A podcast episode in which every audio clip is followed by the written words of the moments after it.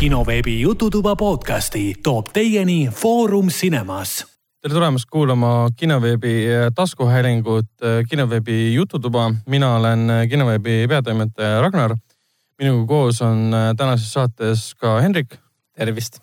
ja ähm, keda ei ole, on, on Helen aga kus on Helen? Helen valmistub, valmistub Cannes'i filmifestivaliks, mis nüüd neljateistkümnendal ähm, mail algab. Ja, ja ta ei saanud meiega seetõttu täna liituda. Äh, tegelikult ega see mingi suur saladus ei ole, et me kõik kolm ähm, lähme nüüd äh, nädalaks äh, umbes äh, siis Cannes'i filmifestivalile. järgmisel nädalal. jah et eelmise saate me teeme võimalikult äh, nagu vara salvestame ära enne siis minekut ja laseme selle vahepeal välja. et saade kindlasti ära ei jää, aga siis me saame pärast äh, Cannes'i, saame siis jagada oma Cannes'i filmifestivali muljeid. meie jaoks on see esimene kord, kui me sinna lähme. Esimene kord ta ei ole nagu Prantsusmaa külastamise suhtes, aga Cannes'i filmifestivali, mis on maailma üks tähtsamaid filmifestivale üldse ja üks suuremaid filmiturgusid maailmas, on see kindlasti väga oluline. noh, kindlasti ka, no mitte kindlasti, vaid kahtlemata väga prestiižne ja väga suursugune filmifestival, kus iga filmi, filmigurmaan võiks vähemalt kord elus ära käia. jah, kasvõi lihtsalt äh, võistlusprogrammide äh, vaatamiseks või lihtsalt selle melu jälgimiseks, et seal saab igasuguseid summasid välja käia, et liituda erinevate punaste vaipadega, mis oli minu jaoks kõige suurem üllatus, et sa võid väga suured summad välja, seal oli Ameerika paviljon, kus sa võid maksta üheksasada eurot selle eest, et sa saaksid minna nende punasele vaibale mida meiegi teha ei kavatse, sest meil pole selleks lihtsalt vahendeid ja meie huvisfäär ulatub ka nagu mujale pigem. jah, et me läheme ikkagi pigem filmi vaatama ja äh, tööd tegema. jah, võib ka nii öelda um,. tänast äh, saadet um, erinevalt siis eelmisest uh, ja üle-eelmisest me ei alusta sellega, et me räägiksime auhinnamängust, sest auhind sai ära jagatud eelmises saates. küll aga on meil um, esimene fännikiri nii-öelda, mis on meile siis ametlikult meilile kinoveeb.jututuba.ee saadetud. Äh, kirja saatis meile Egert, ähm, kes siis äh, jagas meiega oma droonide mängu. Äh, see oli siis kaheksanda hooaja kolmanda episoodi muljeid, millest me eelmises saates rääkisime. Eriti me läksime selle koha pealt, vähemalt mina ütlesin, et minu jaoks polnud see üldse nii tume, nii nagu internet nagu väitis. see oli see kurikuulus episood, mis sai suure tume, tumeduse süüdistuse osaliseks, et nii tume, et ei näinud mitte midagi. ja, ja, ja tegelikult Youtube'is on olemas ka võrdlusvideo, kus üks äh, kasutaja oli siis võtnud algupärase materjali, ilmselt oli kuskilt tõmmanud selle episoodi ja siis pannud, muutunud selle heledamaks. Ja ma ise vaatasin ka tegelikult ja rohkem, päris rohkem kõvasti detaile nägi, et ma nägin rohkem sõjavägi, Dothrakisid oli paremini näha, kõik seda äh, Northmenne ja Wildlings oli palju paremini näha, detaile palju paremini näha. aga noh olgem ausad, kogu selle kolmanda osa põhimõte ja kolmanda osa pealkiri oli The Long Night. kolmanda osa põhimõte oli see, et tulevad surnute armee koos öökuningaga ja nad sõna otseses mõttes ööpimeduses, nad matavad su oma surma all ära. See oli meeletult vägev vaatepilt, kuivõrd lämmatav ja ängistavalt, kui lämmatavad ja ängistavalt nad ründasid meie, meie, meie tuntud kangelasi. no täpselt. Ja no ma saan sellest täiesti aru, no esiteks minu jaoks seda probleemi ei olnud, sest mina vaatasin seda oma full HD äh,, full HD kuvari abil ja absoluutselt mingit probleemi ei tekkinud, küll aga, mm, küll aga on siis kuulnud, et Foxi kanalil need, kes vaatavad, on probleeme olnud, et mul need meil tegelikult ühised tuttavad käisid äh, Olieris mm, kinos vaatamas kolmandat episoodi, nad läksid sealt siis reklaamipausi ajal minema, sellepärast et Foxi kanal on ikkagi ähm, standard definition kanal ja see pilt oli, nagu Egert kirjutas meile ka, oligi niivõrd pime ja tume ja arusaamatu, et nad läksid lihtsalt sellest Oliirise kinosaalist minema, sest nad ei suutnud lõpuni vaadata, nad ei näinud, mis toimub. Nad, äh, see oli, kui ikka kinosaalis ka ei sea äh, noh, viimase droonide mängu viimase hooaja tõenäoliselt kõige suuremast äh, sõja, sõjalisest episoodist, mitte, mitte Essu Karu siis, mida sa üldse vaatad. et mina vaatasin Telia HBO kanali kaudu või noh, kuidas ma seda nüüd nimetan paketi kaudu või? jah, Telia HBO äpp no, või rakendus, kuidas see on, see minu teada on see ju HD ikka täiesti, ma no. vaatan oma HD-ga, kuvariga ka seda ja kõik on hästi. jah, nii, aga Ege kirjutas meile, et ähm, tema vaatas seda oma viiekümne tollisest 4K telerist äh, Foxi kanalilt ja see oli nii halva kvaliteediga, nii äh, pime ja paksu müra täis, et ta jättis põhimõtteliselt äh, nagu pooleli. Ähm, ta küll tunnistab, et talle tegelikult see kolmas osa üldse ei meeldinud, see oli liiga kiiresti äh, monteeritud, hektiliselt monteeritud, eks ma olen nõ- nõus sellega tegelikult. et vaevu sai mõne nagu sellest ähm,, kuidas see eesti keeles nüüd on, siis need valged varjud või? ei, White Walkers. White Walkers või noh, zombi. vaevalt sai mõne zombi äh, näost aru, kuna kaadrid vahetusid nii kiiresti. Ja nimetas ka siis äh, montaaži tormakaks ja, ja segaseks. ja lisaks äh, ta mainib juurde, tegelikult mainib juurde, et tal on seitsmes hooaeg üldse pooleli jäänud. mis on äh, huvitav, huvitav asi, et äh, puhtalt sellepärast, et ta väga nagu ka väga paljud teised vaatajad troonide mängul nimetasid äh, seitsmendat hooaega tegelikult üsna halvaks. millega ma olen täitsa nõus, et noh, nüüd me ju esmaspäeval kõik vaatasime, kogu Eesti vaatas ju troonide mängu neljandat episoodi ja neljas episood tõestas tegelikult taaskord, et kõik see, mis oli nõrk seitsmendas hooajas, on tagasi. täie rauaga tagasi. ütleme, algab, algab tugevalt, aga on niisugune kiirustamise tunne, selge Jah. kiirustamise tunne, et ähm, tegelaste lood või sellised kaared, mis on nüüd siin ähm, seitsme hooaja, kaheksa hooaja jooksul arenenud, tõmmatakse kuidagi nii järsult ja ootamatult ja vastu nende äh, karakteri arengut kokku ja tundub, et selle eesmärgiga, et asjad võimalikult kiiresti kõik nagu lahtised otsad saaks kinni tõmmata, et saaksime ikkagi viimase sõjani minna, mis on siis Täni ja siis äh, Cersei, Cersei vahel äh,. lisaks äh, räägib Egert, et ähm,, et uurib näiteks minu käest ähm,, et kas mina olen vaadanud sellist seriaali nagu The Last Kingdom, mis on olemas Netflixis. Netflix tegi siis kolmanda ja teeb hetkel neljandat hooaega, mis on siis Egerti arust siis parim asendus troonide mängule äh,. ei ole seda vaadanud, ma tean, et ta on olemas ja ma olen seda isegi kaalunud, sest selle visuaalne stiil mulle väga meeldib ja see tundub täiesti minu masti, minu masti seriaal äh,. lisaks uurib Egert, kas ma olen vaadanud siis sellist seriaali nagu Black Summer, mis on siis Netflixi seriaal, et ta kirjutab, praegu on olemas esimene hooaeg. Egert vaatas selle ära ja talle meeldis, et kuna see oli teistmoodi zombi apokalüpsise seriaal, kui võrrelda näiteks äh, troonide mängu äh, Kamara Juraga, mis on äh,, millega ma olen täiesti nõus. ma olen Hendrik.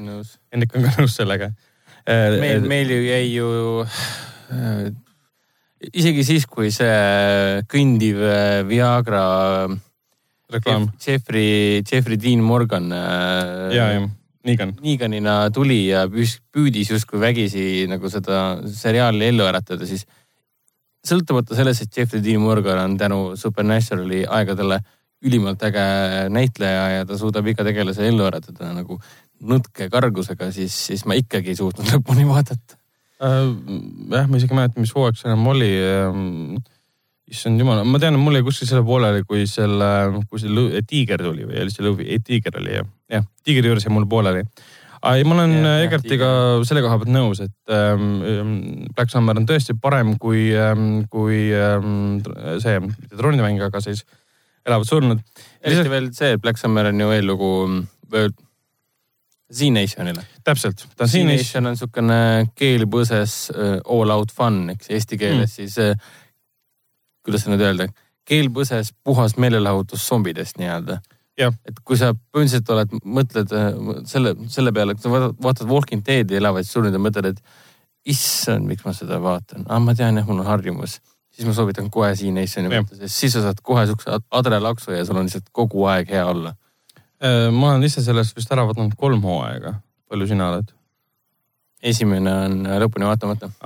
see on jah kõik Netflixis Netflixis olemas, nii et kõik on hästi.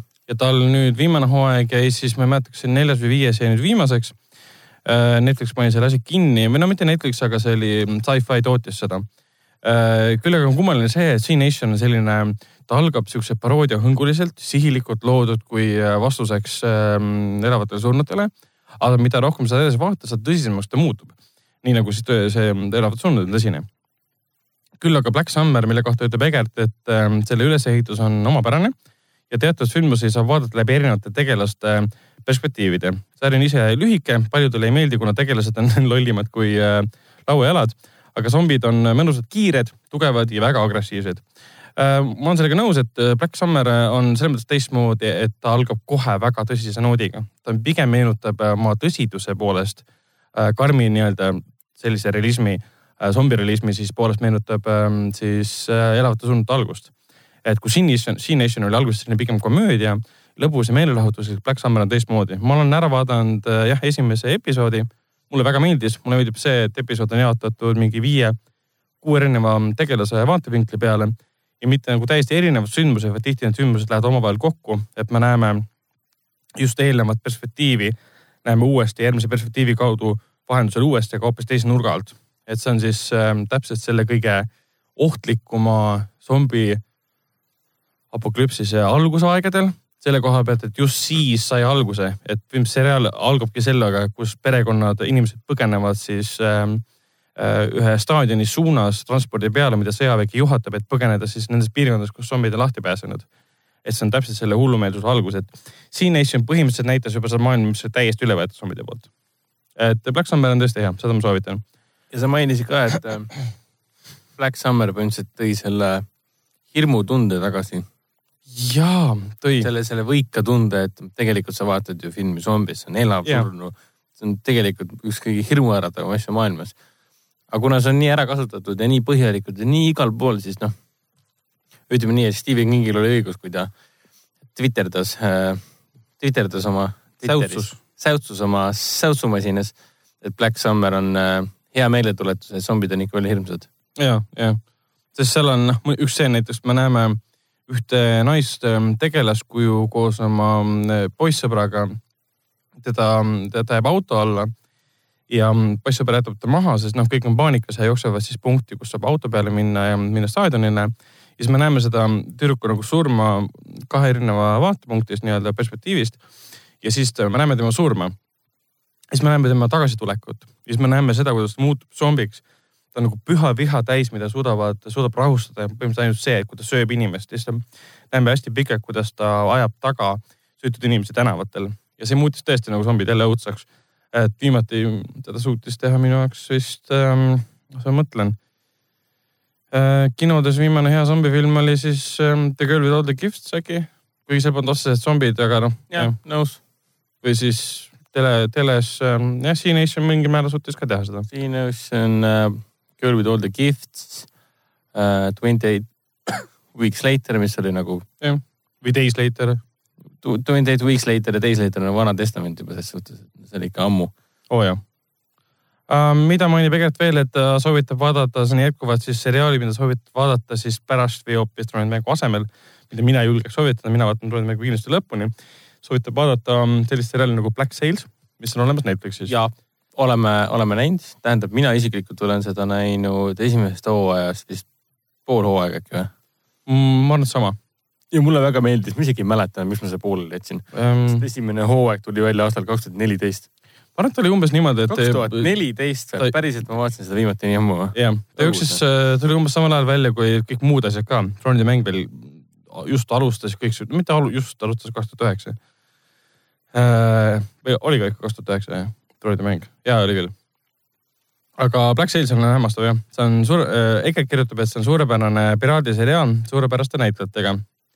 Ja ta on sattunud just nende seriaalide peale, noh Black Summer või siis Black Sails või siis Last Kingdom äh,, kui ta ootas siis äh, troonide mängu seitsmendat hooaega et oli vaja leida asendust ja The Vikings, mis mulle tegelikult meeldis esimese hooaja põhjal, talle absoluutselt ei meeldinud ja Vikings on olemas ka Netflixis kas äh, äh, Black Sails on ka Netflix või? jah. Äh, Black Sailsi puhul on see, et kus see on üks nendest seriaalidest, kus sa vaatad juba esimest episoodi ja näed algustiitreid koos selle väga laheda disainiga, kus sa näed erinevaid piraate ja piraadilaevu ja näed siis, kuulad seda muusikat, mis on sinna valitud, siis sa saad kohe aru, et ahah, see on hea seriaal. ja see on tõesti, see on. selle muusika autor on seal ju see Peer McCreary, kes tegi musa ka Joss Whedoni Netflixile Josh Whedoni Netflix, mis Josh see on? Whedoni Firefly'le ja kui ma ei eksi, siis ka sellele Battlestar Galacticale. Bill McCready tegi Firefly muusika? jah. See, selle koha pealt sa nüüd eksid, minul on teistmoodi meeles, ma ei mäleta, kes see oli. tead, mis sa ütlesid või? et troonide mäng algas äh, kaks tuhat üheksa, ei, kaks tuhat üksteist algas. aa ah,, okei okay,, sorry, jah.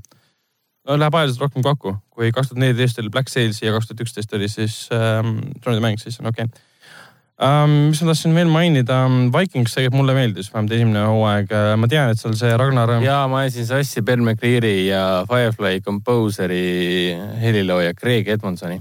Jah, täpselt, täpselt, ma teadsin, mul teistmoodi oli meeles, aga ma ei mäleta, kes see oli. väga piinlik. ma olen vanaks jäämas juba, et mäletan enam asju eriti hästi.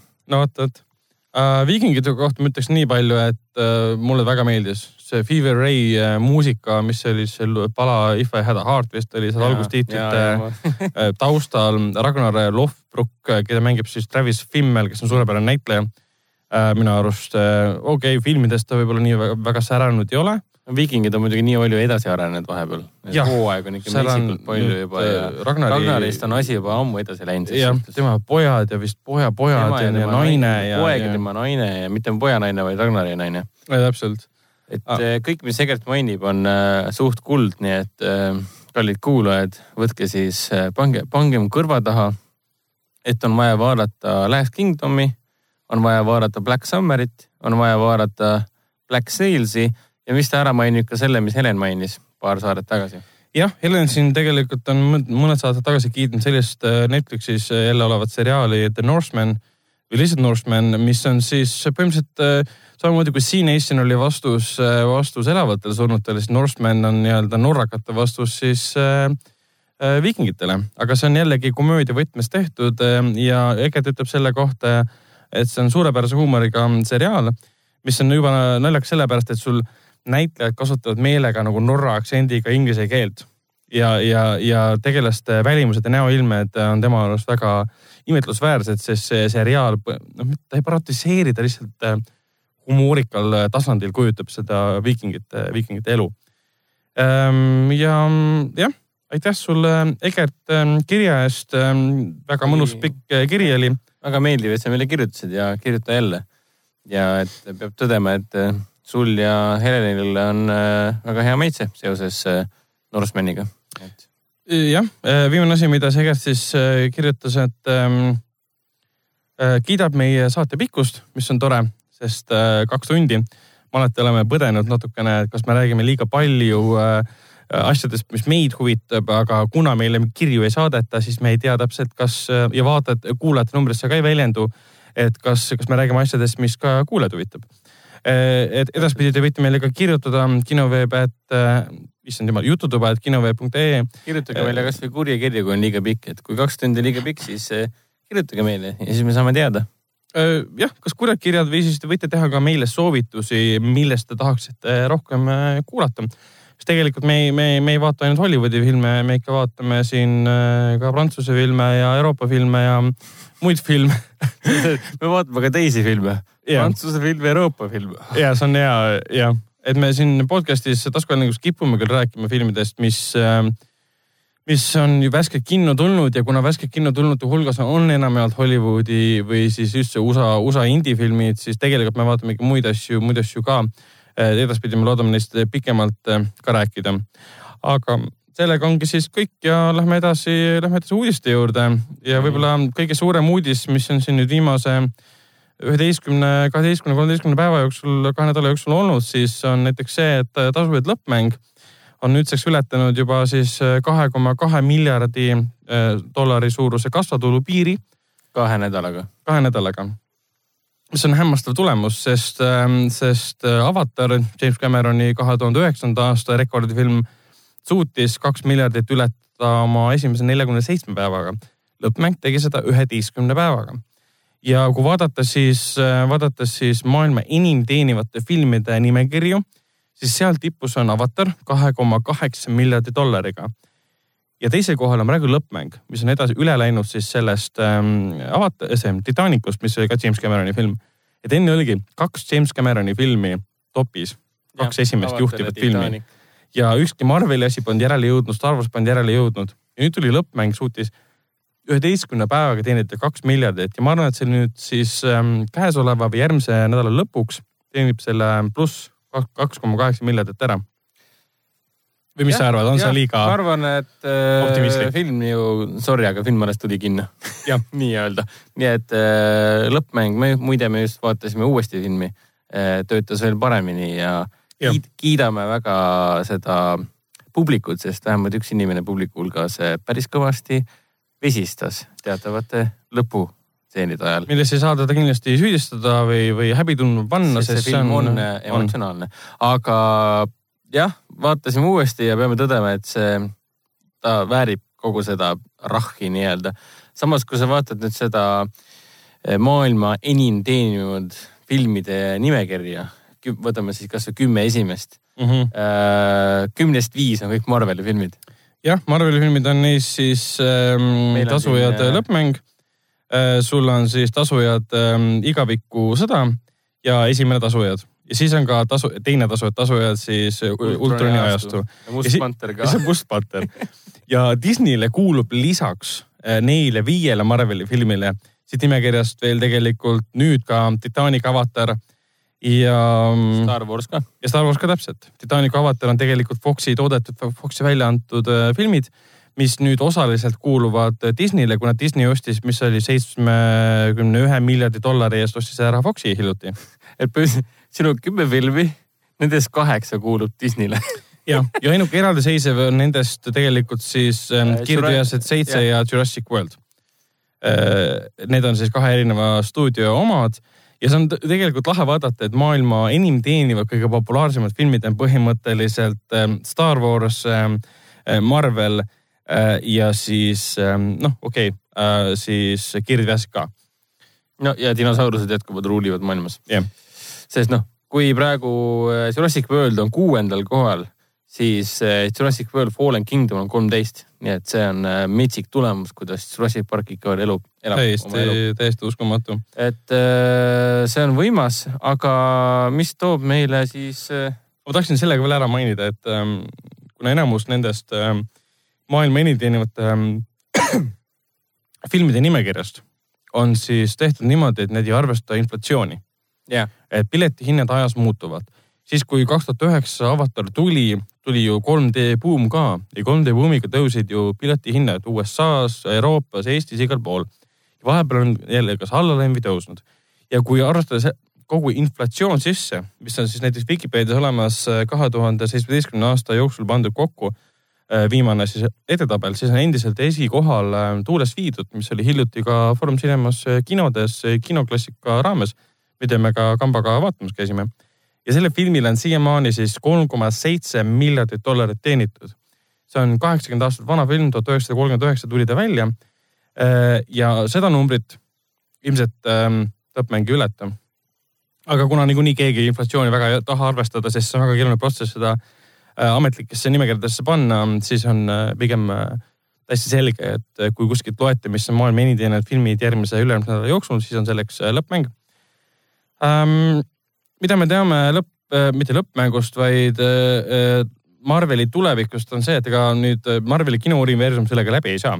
see on nagu täiesti kindel. ei saagi jah, ma juba mõtlesin, et nüüd on kõik. et see ongi nüüd viimane film, rohkem ei tule?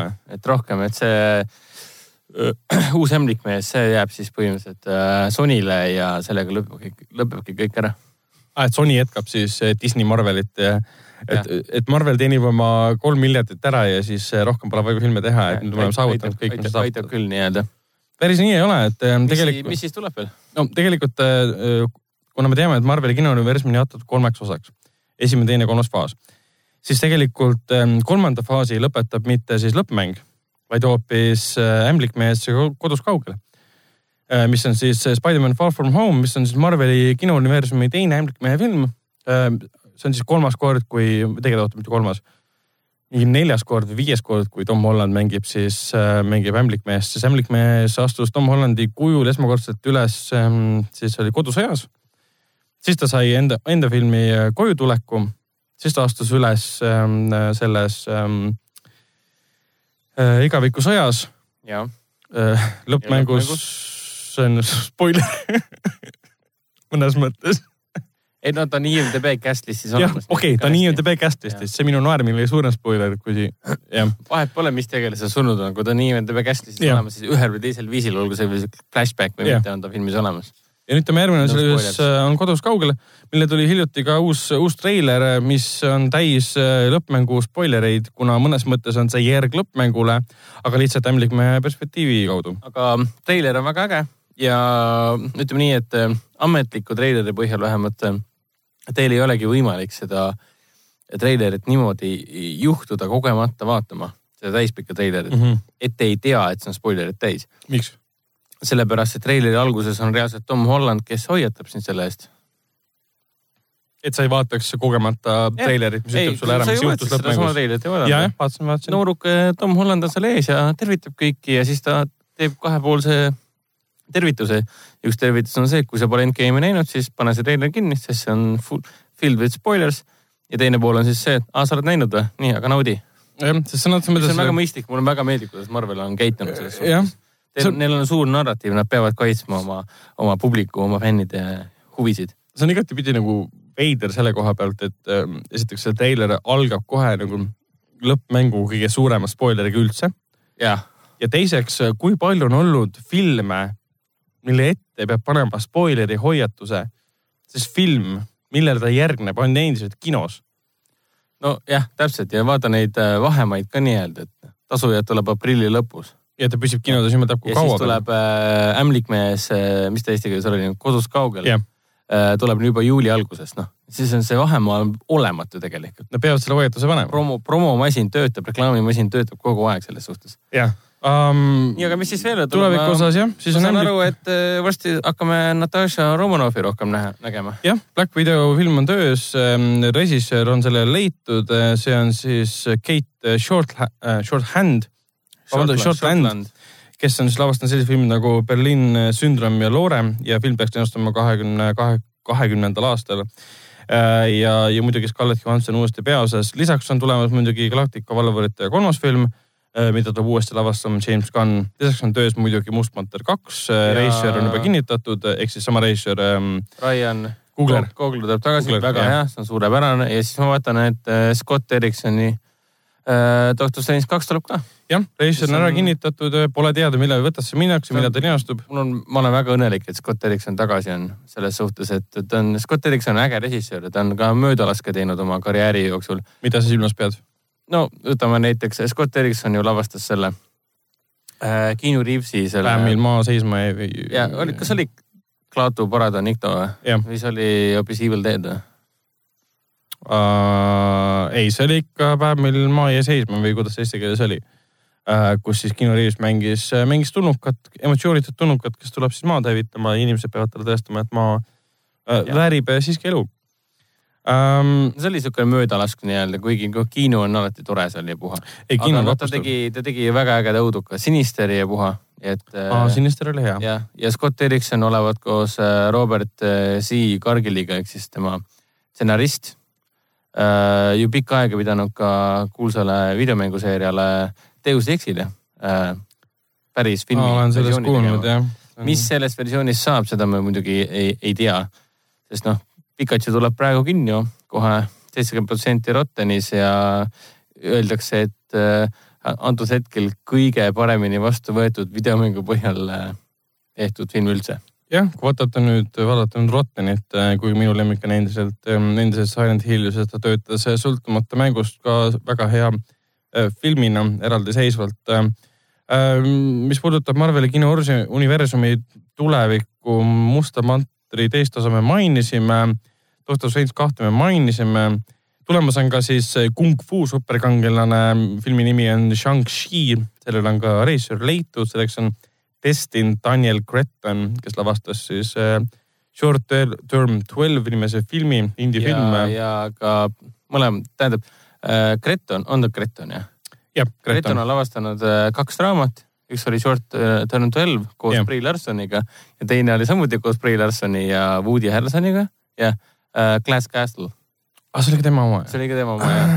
ehk siis nad võtsid uh, Shang-Chi jaoks, nad võtsid nagu siukse väga tehnilise ja tugeva draamafilmi lavastaja. see on muidugi kummaline, nad võtsid tugeva draamafilmi lavastaja, kes on teinud Brie Larsoniga filme, kes on nüüd Kapten Marvel äh, juba kahe, kahes filmis olnud. veits veider, aga okei okay. ähm,. Okay. see on siis äh, seitsmekümne kolmandast äh, aastast pärit ähm, superkangelane, kes on tuntud oma kung fu ja siis äh, võitluskunstide poolest ähm, lisaks on töös siis ähm, Jack Kirby loodud koomiksiseerial The Eternals põhinev film äh,. mina sellest koomiksiseeriast midagi ei tea, ma nii palju lugesin, et ma tean, et režissöör on Chloe Zhao äh,. ja The Eternals räägib siis kosmilistest olenditest, et nende hulka vist kuuluvadki need kollektorilaadsed ähm, tüübid ja siis ähm, tüübid. see on totaalne kosmosefilm, mis räägib äh, poolsurematutest äh, tüüpidest okay.. Äh, see nii-öelda planeet Maasse see ei puutu üldse. ei no see on iseenesest põnev, et äh, noh, nüüd kui faas, kolmas faas saab nüüd põhimõtteliselt läbi, siis ongi huvitav näha rohkem äh, täiesti uusi äh, materjale, olgu selleks siis Shang-Chi või Eternals. aga samas mind teeb kõnelikuks see, et Sibelgamees ja Vapsik ja Kapten Marvel ja Thor saab ka tõenäoliselt oma, oma, mis see on siis, kolmas, teine ja neljanda filmi uh,. issand, on jah, on jah. kolmas, teine ja neljas jah uh,. Thor Ragnarok oli parim uh, Thori film esimene oli minu silmis niisugune äh, kuus-kümme meh. Äh, teine oli sihuke viis-kümme, miks ma seda üldse vaatasin, meh. no nii hull ei olnud. noh, oli küll.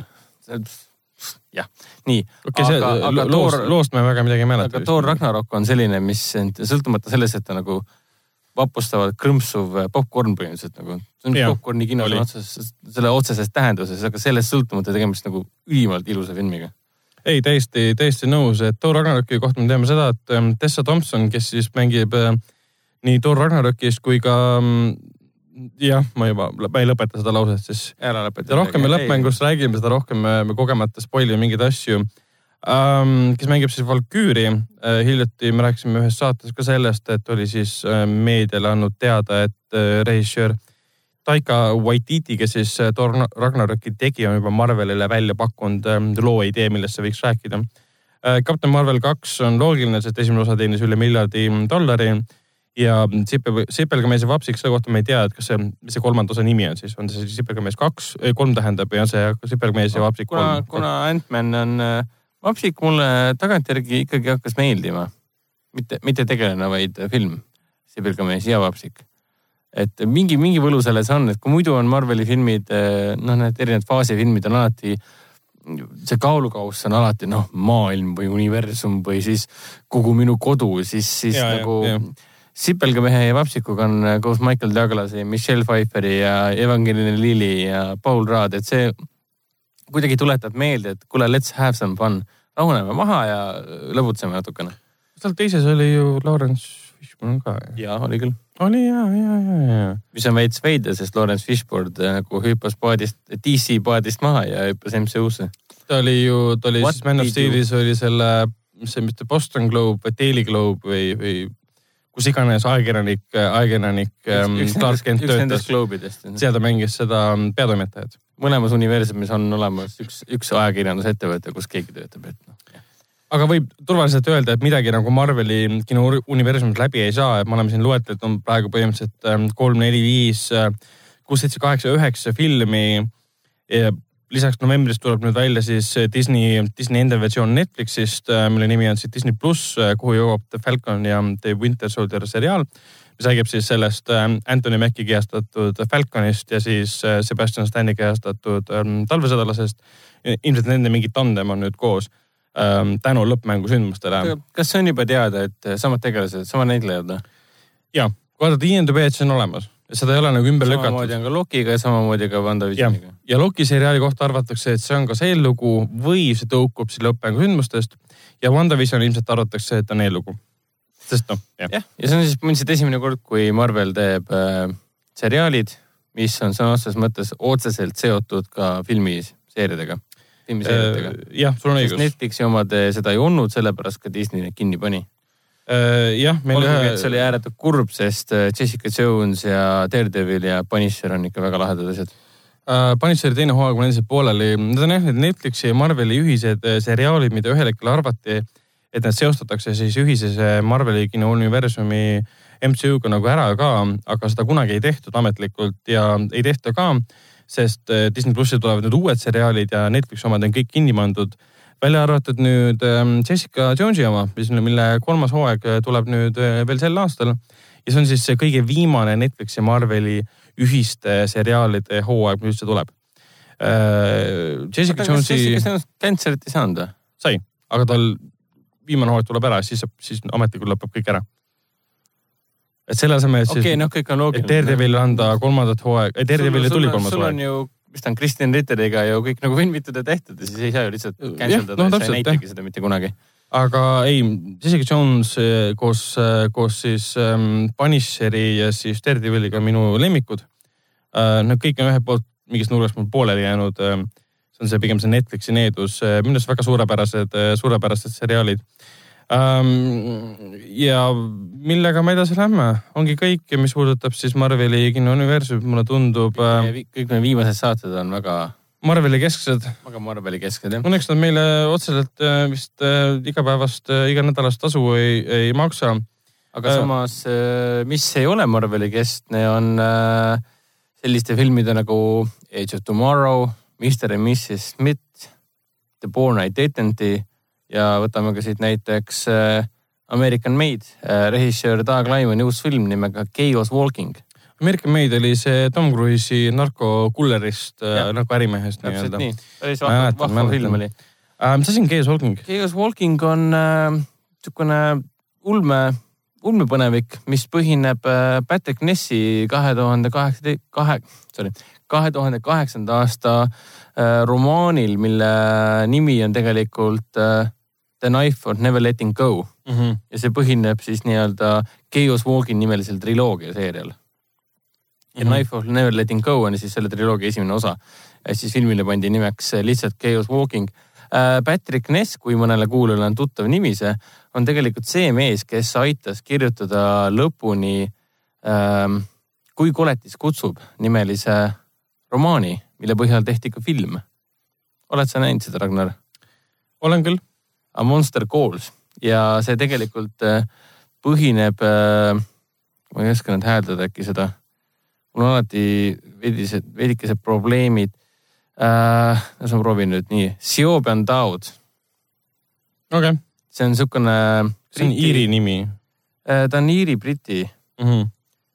Äh, väga lahe mm, autor, kes kirjutas väga tugeva raamatu, ma lugesin pärast filmi, ei ikkagi enne filmi lugesin läbi ka selle, kui koledus kutsub oma Master Calls, peaks olema siiamaani Eestis müügil ka eesti keeles ja Patrick Ness aitas selle romaani lõpuni kirjutada, sest Seoban Daod äh, lihtsalt äh, suri ära kahjuks mm. -hmm. ja see oli tema üks nendest raamatutest, mis äh, pärast äh,, paar tükki meil olnud, aga pärast tema surma lasti välja.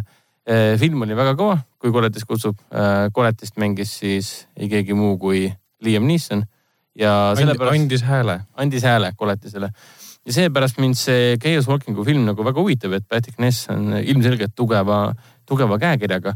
aga Ragnar, räägi, mis Selle... siis juhtus Doug Lyman'i filmiga, et ma saan aru, et film pidi juba selle aasta kevadel välja tulema. ta pidi kaks tuhat üheksateist tulema ja nüüd tundub, et ta jõuab meile kas ähm, kaks tuhat kakskümmend või isegi kaks tuhat kakskümmend üks. Ähm, filmi võtted algasid ähm, kaks tuhat seitseteist. peaosades on Tom Holland ehk siis ämblikmees ja Daisy Ridley ehk siis äh, Ray äh, uutest äh, Star Warsi filmidest kaasa teeb veel ähm, Mads Mikkelson, suurepärane, suurepärane Taani näitleja. Ähm, juhtus see, et Lionsgate, kes filmi toodab, vaatas Doug Lyman'i siis variandi läbi, versiooni läbi ja ütles, et see on, seda on, ei tohi sellisel kujul välja lasta. Ja nüüd siis kutsuti Fede, Fede Alvarez, ähm, mees, kes lavastas Evil Deadi nii-öelda uue nägemuse, uus versiooni ja väga suurepärase trilleri Don't Breathe. pluss ta tegi selle viimase noh, loetätoveeringuga tüdruku filmi ka. Äh, the Girl in the Spider's Web yeah.. kutsuti tema siis appi, et oleks nii-öelda konsultant ja et oleks siis vaataks pealt või noh, aitaks siis Doug Lymanil teha viieteistkümne miljoni dollari eest siis ähm, uusi võtteid, äh, mis aitaksid lugu normaalseks teha, arusaadavaks teha. sest kui äh, vähemalt nii kirjutatakse insiderite poolt, kes selle filmiga on seotud, et kui romaanis, romaanis seerias on lugu arusaadav, siis filmis see, see tuleb väga halvasti välja ja kardetakse, et seda lihtsalt ei lähe keegi vaatama ja keegi ei saa filmist aru. ja nüüd teevad siis uusi, uusi materjale, et Tom Holland on seda filmi promonud nüüd päris pikalt. ta oma Instagramis näitab neid äh, pilte ja videoid võtetelt. Film tundub ise väga äge. Äh, looduse keskel. Ähm, lugu vist on hästi kummaline, et see on maailm, kus pole tüdrukuid. Äh, jah, see Chaos Walkingu kontseptsioon seisneb selles. ta on ju Young Adult äh, romaaniseeria põhimõtteliselt. jah, täpselt, et see on Young Adult. mis tähendab seda, et seal on noored inimesed. see on noored inimesed peaosas. aga kogu kontseptsioon on meie praegusele ajale üsna kohane, nii-öelda kohane, sest kontseptsioon seisneb selles, et see on maailm, kus ei ole naisi. Ja igal pool on olemas sihuke asi nagu denoise ehk siis müra ehk siis mitte keegi, mitte ükski mees, sest selles maailmas ongi need mehed alles, mehed ja poisid äh, mitte ükski inimene ei saa olla oma mõtetega üksi, sest kõik kuulevad üksteist kogu aeg, oma mõtteid mm. -hmm. selles nagu ongi asi, et sul pole naisi ja kogu aeg on konstantne müra, teiste inimeste mõtete müra, loomad samamoodi. ja siis meie peategelane äh, mingil imelisel kombel avastab ühe koha nii-öelda tema, tema maailmas, kus tegelikult seda müra ei ole ja siis ta avastab, et on olemas ka üks naine. ja siis läheb lahti muidugi räme võrgu ja vandenõuteooriad ja mis selle, mis selle müra ja selle naistetu maailma taga tegelikult on. no tundub nagu klassikaline Young Adult äh, lugu selle koha pealt, et äh, noor, noor inimene avastab mingisuguse vandenõu konspiratsiooni, mida siis tervete põlvkondade eest ähm, on varjatud. muidugi no romaan ise ju alustati, romaani seeria algas ju noh, üksteist aastat tagasi. Et noh, tollal see nii intensiivne ei olnud, aga nüüd siin hashtag mina ka ajastul või hashtag me too ajastul kõlab natukene veidralt selline kontseptsioon. vaata, mis mõttes, maailm ilma naisteta ja te kõik kuulete oma mõtteid või? ja ei, ma olen sinuga jah, võib-olla isegi nõus ja võib-olla Lionsgate tundis ka sellepärast muret äh,. Doug Lyman on tegelikult tuntud sellise tüübina, kes on režissöörina väga, öeldakse difficult, keeruline, et tal oli, kui ta tegi esimest seda Born'i, Born'i identiteeti Matt, Matt Damoniga oli Matt Damon, ja, ja oli Matt Damon. kes siis veel? ma olen kogu aeg segamini Mark Wahlberg ja Matt Damon, ühesugused, ühesugused näod. Matt Damon on ikka palju ägedam kui Mark Wahlberg. et ähm, sellel äh, filmivõtetel, tal olid ka väga suured äh, probleemid stuudioga. Kuidas, mis on, milline on tema nagu filmimisstiil, tempo, kuidas ta asju muudab, et ta kipub äh, lugusid ja siis äh, stsenaariumit ümber kirjutama enne võtte algust ja ta ei jää nagu plaanile kindlaks ja improviseerib aga see improviseerimine tekitab probleeme selle koha pealt, et asjad lähevad üle aja, läheb rohkem maksma. ehk siis miski, mis stuudiotele tavaliselt ei meeldi, kui sul on kindel ajaliin paika pandud. ja nüüd siis äh, Lionsgate põhimõtteliselt andis teada, et kui nad vaatasid selle versiooni läbi ütlesid, et see on põhimõtteliselt, tal puudub ähm, kommertslik väärtus ja nagu ta ei maksaks elu sees viisteist miljonit nüüd juurde, kui nad ei usuks selle filmi äh, võim-, võimesse olla kinodes väga edukas ja huvitav omaette nagu selline romaani ekraniseering, mistõttu nad panevad sinna päris kõvasti raha alla, et see film ikkagi järgmisel või siis ülemisel aastal välja saada. ja loodame, et siis äh, Fed, Fede Alvarez aitab, äh, aitab seda mm, muresid lahendada. filmi lugu ei, ei kõla küll niimoodi, et ta peaks olema ilgelt keeruline aga, aga mis kindlasti ei ole üldse keeruline, on see, et me juba tõenäoliselt juba sellel nädalal saame nautida sellist asja nagu filmi C kaks või pea, see peatükk kaks äh, treilerit. üks neist filmidest, mida on väga keeruline, sa tõlgid, tõlgid selle. see peatükk kaks või see kaks.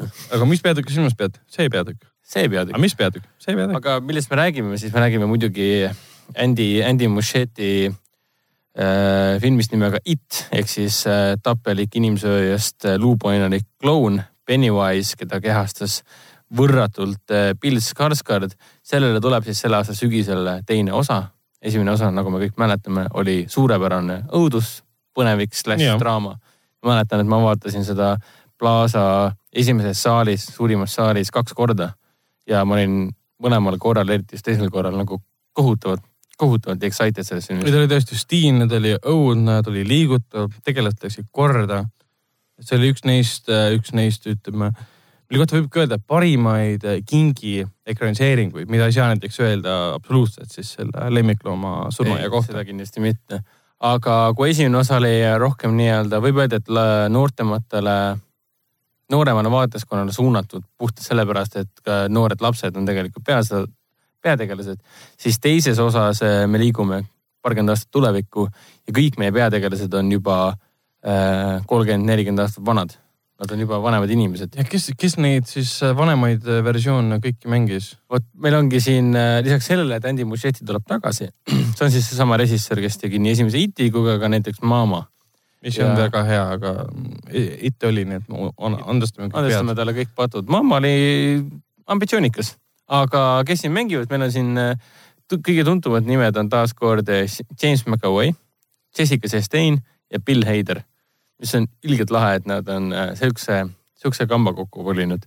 kui ma mäletan õieti, et äh, pärast esimest äh, Iti, kui see lõpuks kinodesse jõudis ja oli kohutavalt edukas, siis fännid reaalselt tegid kampaania, et, et Beverlit, seda punapäist tüdrukut, tulevikus hakkaks kindlasti mängima Jessica Chastain või? minu arust oli küll jah. ja siis pärast tuligi välja, et Chastain mängibki teda. see ongi kummaline, et ütleme. kas ja kuidas see kõik on omavahel äh, fännide ja, ja stuudio otsuste vahel seotud, seda me nüüd ei tea võib-olla filmi, filmi casting, casting director äh, vaatas sotsiaalmeedias ringi, vaatas, aa, publikul on õigus, palkame, palkame. või siis, või siis neil juba välja valitud on, lihtsalt noogutasid pärast üksteisele heakskiitvalt. meie publik tunneb meid. aga loodame, et see treiler tuleb õige pea välja, sest äh, ma olen väga excited. Äh, jah, ma kuskilt käis läbi ja, et äh, vist, kas see oli nüüd äh, Times Square'il oli siis olnud äh, reklaam treilerile, mis ütles, et see tuleb selle nädala jooksul välja. oli jah? Jah..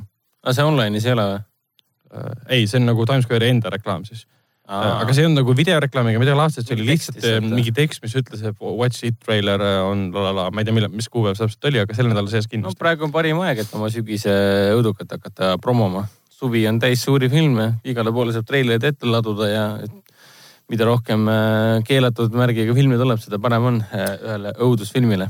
Abs-, absoluutselt ähm,. räägime korra veel ühest murelapsest, milleks on The Voyage of Doctor Dolittle, mis on muidugi siis film, mis põhineb Doctor Dolittle raamatutel äh,. kus siis antud juhul Doctor Dolittle, kes on siis äh, loomaarst, kes suhtleb loomadega, kuulab nende hääli, ma olen neid raamatuid lugenud, hästi toredad ähm,. teda mängib Robert Downey Jr ehk siis Tony Stark ehk siis äh, raudmees ehk siis mees, kes sai lõppmängu rolli eest seitsekümmend viis miljonit dollarit väidetavalt ähm,. et see on nagu veider, et just, just meie Tony Stark, just meie, meie, meie Sherlock Holmes on nüüd siis doktor Doolittle mis, mis sai tegelikult alguse juba tuhande üheksasaja kahekümnendal aastal. Oh, see on eesti keelde ka tõlgitud, see oli ka minu lapsepõlve äh, nii-öelda raamat, mida ma ikka lugesin ja minu meelest oli see väga kaunilt kirjutatud ja väga loodussõbralikult, keskkonnasõbralikult ja siin ei ole mingi, sellel doktor Doolittle'il ei ole mingit, mingit pistmist äh, Eddie. Murphy äh, siukse labaste komöödiatega. okei okay,, esimene oli hästi armas, neid oli vist olid. kaks või? ei, nad on hiljem juurde tehtud, doktor jaa. Dolittle poeg või midagi aga. ühel hetkel sa kaotad selle järje ära, sest noh, aju- ütleb sulle, et palun ära jälgi enam neid järgi. Võta see järjehoidja ära ja põleta ära. aga see film peaks nüüd olema selline true ähm,, true äh, versioon sellest raamatust, ekraniseering ähm,, kus on siis muidugi arvutiga loodud CGI loomad ja, ja Robert Downey Jr nendega nagu räägib. filmi režissöör on Steven Cahan, kes siis lavastas näiteks George Clooney'ga Syriana ja kirjutas siis Steven äh, Soderberghi, kui ma ei eksi, jah, Soderberg ähm, Traffic'u stsenaariumi et see on põhimõtteliselt Oscari, Oscari võitja, Oscari nomineerinud äh, režissöör ja miskipärast Universal arvas, et see on see režissöör, kes võiks teha lastefilmi saja seitsmekümne viie miljoni dollariga. Ja selle kohta võib öelda, et äh, tagantjärgi omad vitsad äh, peksavad. Universal kutsus hiljuti siis Adam McKay, kes meile tegi, mitte Adam McKay, vaid Chris McKay, kes kõik on McKay'd, Chris McKay, kes tegi Lego Batman movie ja, ja Jonathan Liebesmanni, kes tegi viimati siis Ninja mm, kilpkonnade filmi appi reshoot'e tegema. et ühelt poolt kutsuti appi Chris McKay seda mm, Cahe enda versiooni filmist üle vaatama ja siis kutsuti Liebesmann siis äh, uusi, uusi võtteid tegema. sest äh, tuleb välja, et mehel, kes on lavastanud filme väga tõsistel teemadel, ei ole kogemusi või oskusi teha tegelikult äh, väga kallist äh, lastefilmi, seiklusfilmi, kus on äh, arvutiga loodud äh, äh, loomad. no iseenesest äh, see film ise peaks olema väga-väga vinge seiklus kogu, kogu perele. sul on, sul on ikkagi Robert Downey Jr, kes reisib mööda maailma, tal on oma lemmik, nii-öelda lemmikloomad, kellega ta koos seikleb ja siis aitab erinevaid loomi üle kogu maailma. see on ju vahva seiklus ja sul on nii äge näitleja nagu Robert Downey Jr, et siin ei ole mingit, mingit, mingit probleemi.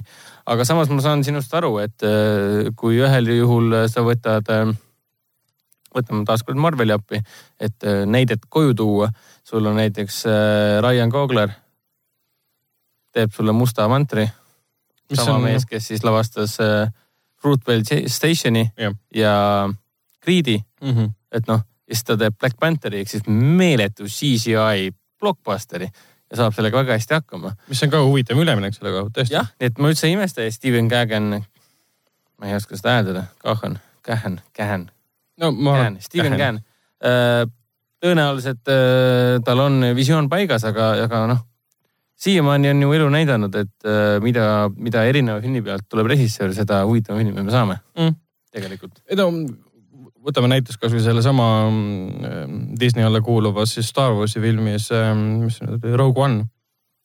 seal samamoodi Garrett Edwards, kes on siis teinud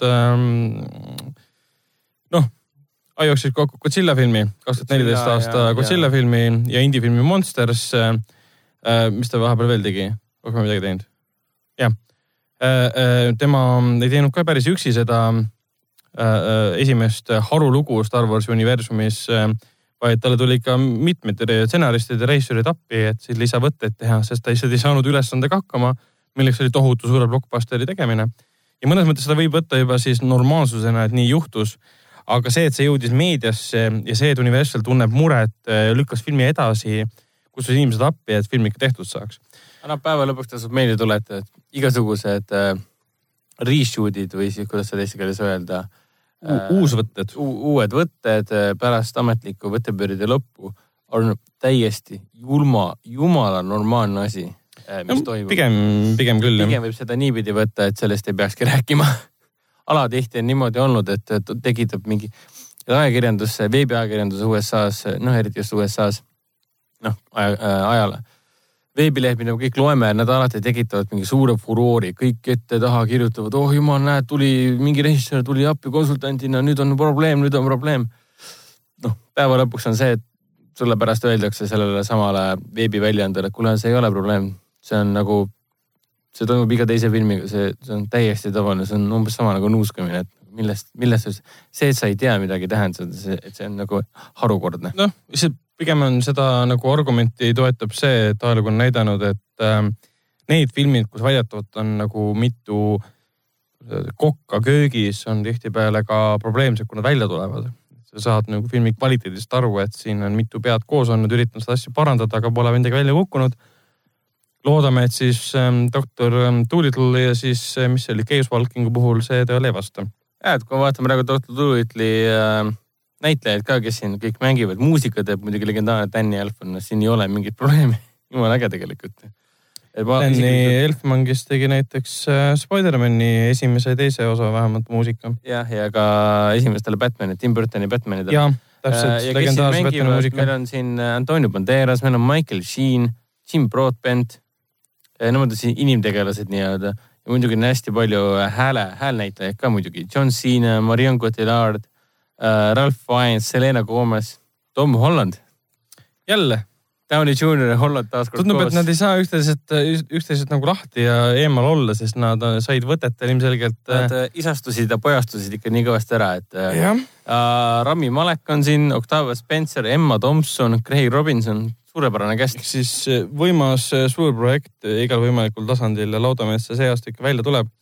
kuule, aga sorry, et ma nüüd vahele segan, aga räägi mulle, mida tähendab Hateful Eighti Netflixi miniseeria? see nüüd ei ole uus, uus seriaal, mis põhineb Tarantino filmil, mis tähendab Vihane kaheksa. see on seesama Tarantino film, Vihane kaheksa ta on lihtsalt äh, päris mitme korraliku minuti võrra pikem. Tarantino ise monteeris äh, selle filmi tal, mis kestis peaaegu kolm tundi äh,, seriaaliks ja lasi selle Netflix välja. see on praegu uuesti Netflix muidugi kahjuks, et äh, Eesti Netflix ma vaatasin, et ei ole veel. tead sa ka juba, millal tuleb või? ei tea. oota, aga äh, mis, mis point sellel kõigel on? ma saan aru, et ähm, Tarantino võttis kätte ja Netflixi jaoks jagas oma filmi neljaks põhimõtteliselt viiekümne minutiliseks episoodiks. jah ja see on nagu pikendatud versioon. seal on pikendatud variandid sees, ta on pikem kui see roadshow äh, versioon, mida USA-s näidati. neli, neli korda viiskümmend minutit siis? jah. Kuigi nelja, neli korda viiskümmend, siin me parastame sisse nüüd algustiitrid ja iga osa lõputiitrid. okei okay,, no siis no, ja siis veel Netflixi visuaalse täiuslikkuse armastaja, et sa vaadake selle viisteist minutit algustiitreid. aga see ei ole nüüd seesama film, mida me oleme näinud, sest äh, esiteks see on lisamaterjal ja teiseks Tarantino sihilikult ähm, monteeris ta ümber ehk siis teatud sündmused on ümber paigutatud. ehk siis, kes on siis VS kaheksat näinud näiteks mäletavad, et alles lõpus me saime teada, mis siis selle, selle trahteri või selle soojaku või selle maja, kus see sündmus soojak, soojak kus see sündmused aset leidsid, mis seal tegelikult juhtus, et seal olid ühed tegelased asendanud teised tegelased ära. teised tegelased peitsid ennast põranda all, ootasid seal siis seda John Root'i, et siis Daisy Domergue ära päästa. aga Tarantino on need sündmused kokku monteerinud niimoodi, et me näeme juba enne ära, mis toimub majas, enne kui John Root sinna jõuab. ehk siis ta on muutunud asja, kuidas nüüd öelda äh,, lineaarseks enam pole asjad niimoodi ootamatult saabuvad twistina või tagantjärgi saame teada, nüüd me saame kõik lineaarselt jooksvalt teada. aga kas see ei muuda mitte asja vähem pingelisemaks? samas ei muuda, ega see selles täispikas filmis ei olnud ka nüüd väga niisugune eriline samm, et me saime lõpus teada, et äh, kes selle Channing Tatumi äh, tegelaskuju peidab ennast põranda all et mõned tegelaskujud on ära tapetud ja nende asemel on teised inimesed astunud, kes kõik ootavad John Rooti koos teise tõmmekiviga sinna. okei okay,, no see oli pigem ootuspärane ja. et see ei olnud nagu see pööre, mis see oleks pigem nagu. Tarantino ise, et sa, kui sa vaatad Tarantino filmi, siis sa vaatad ikkagi tema lähenemist sellele teemale, sellele sisule, sellele stsenaariumile, sellele selle stiili, stiil, tema enda isiklikule stiilile. me ei vaata ju Tarantino filmi pöörete pärast, me vaatame seda hämmastava, hämmastava stiilsuse poolest ja hämmastava lavastuse poolest ja see, et ta võttis oma seriaali, noh filmi ette ja muutis selle seriaaliks ja nägi sellele äh, kallal ikkagi vaeva, tegi selle, tegi selle seriaaliks ja monteeris sündmused ümber, ajastas neid teistmoodi. me saame mingeid asju saame enne teada, kui me saame filmis ja nii edasi, et see on päris, ähm, päris huvitav minu jaoks. Äh, lisaks meil on äh, üks väike uudis selle kohta, et Indiana Jones viis on film ja see on töös ja see on olemas. küll aga see jõuab meieni võib-olla alles kaks tuhat kakskümmend üks, varasemalt pidi meile isegi sutsu varem jõudma me teame, et see esialgu pidi seda lavastama Steven Spielberg, kes siis lavastas ka eelmised neli äh, Diana Jonesi filmi, kuigi see neljas osa ei olnud kõige parem, mis see nüüd oli, Kristall, kuningriigi saladus või midagi laadset äh,. ainult saladus, midagi muud oli. kuningriik. Indiana Jones. Ah, kuningriik, täpselt. Eh, Spielberg seda võib-olla lavastab. Ehm, esialgu pidi siis viiendat osa kirjutama David Coep, kes on siis üks kõige rikkamaid eh, Hollywoodi stsenariste, aga temast muidugi loobuti. siis eh, võeti Jonathan Kaston appi, kes on muidugi Lawrence Kastoni poeg. Lawrence Kaston on mees, kes kirjutas ka esimesed, esimene osa siis Raiders of the Lost Arki. aga ka temast loobuti ja mm, kõik see loobumine viis kaasa selleni, et kaks tuhat kakskümmend üks tuleb alles film välja ja Kastani lugu väidetavalt rääkis siis sellest, kuidas ähm, Indiana Jones, kes endiselt on äh, Harrison Ford ja tõenäoliselt selle filmi eest ta ilmselt vahetatakse välja, sest noh, ta on juba vana, tahab rollist loobuda, antakse mantel üle. seda taheti juba neljandas teha ja Shia LaBeouf'ile anda, aga tõenäoliselt seda ei juhtu enam kunagi ma arvan, et siia LaBeouf'i enam tagasi ei tooda, sest vaadates neid asju, mida ta on teinud ja kellest ta on nüüd saanud vahepeal. That guy is loco ses suhtes, nüüd, nüüd ta elab omaenda filmis ka yeah., see on, see, sellega on ikka kööge, ma arvan, et Michael Bay lihtsalt, he broke him nagu. ma arvan ka, aga siin oligi see, et see viies osa pidi ka rääkima sellest, et Indiana Jones otsib tagasi natside kulda, kullarongi mis kõik mulle meenutas natuke seda, et vahepeal Poolast ju nendest eh, natside ehitatud tunnelite juures kuskilt eh, raudteelt, mis on ära peidetud. ja mägedest. räägiti, et ja. arvati, et seal on ka see natside kullerang olemas, kus on siis Euroopa kunsti peidetud aarded, aga ma ei tea, mis sellest saanud on. ja mingid, mingid kaks vanameest äkki leidsid mingid, mingid. Nad väitsid seda. väitsid seda kas see lõpuks sai sellest asja?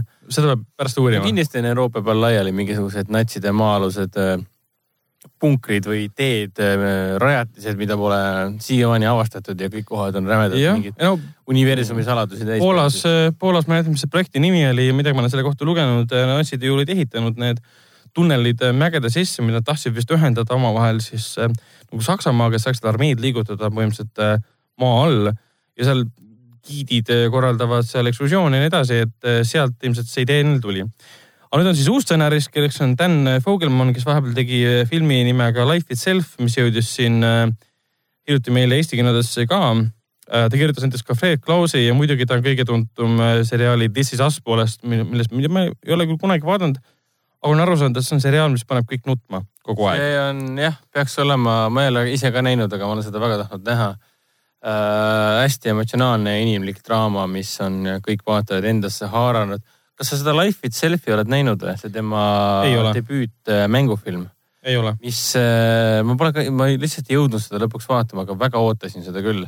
treiler oli, see tehti muidugi kriitiku poolt täiesti maha. see oli hämmastav jah, ma lugesin seda, see oli, kriitikud mõnuga hävitasid seda filmi. kuigi iga kord, kui ma seda filmi treilerit vaatan, see, kus see äge laul on peal, esitajat ma praegu ei mäleta. See on lihtsalt minu jaoks nii emotsionaalne, see Oscar Isaac ja Antonio Banderas ja nagu see on nii, minu arust on nii vahva ja nii tugev ja see emotsionaalselt nii mõjub juba ainuüksi treiler, nii et mul on mingis mõttes on niisugune tunne, et ma ei tahakski filmi vaadata, et teada saada, missugune film tegelikult on. mulle meeldib see mälestus sellest treileri tundest pigem rohkem. ja niisugune kummaline sadomasohhism mm. -hmm nii, aga varsti peaksime lõpetama uudiste sektsiooni, aga. millest me, millest me tahame veel rääkida viimaste, viimaste uudistena? mina tahaksin väga rääkida sellisest mehest nagu seda on äh, James Gray. James Gray on äh, väga äge režissöör, kes on teinud sellised asjad nagu The Immigrant, äh, kus mängis näiteks Jeremy Renner, Marion Cotillard ja siis Joaquin Phoenix. Joaquin Phoenix. Joaquin Phoenix, lisaks ta tegi ka suurepärase filmi Äh, The Lost City of Z, mis oli meil siin äh, kinodes ka, äh, kus mängis peaosas alati suurepärane Charlie Hunnam. film oli produtseeritud siis Plan B poolt, mis on siis Brad Pitti produktsiooni stuudio.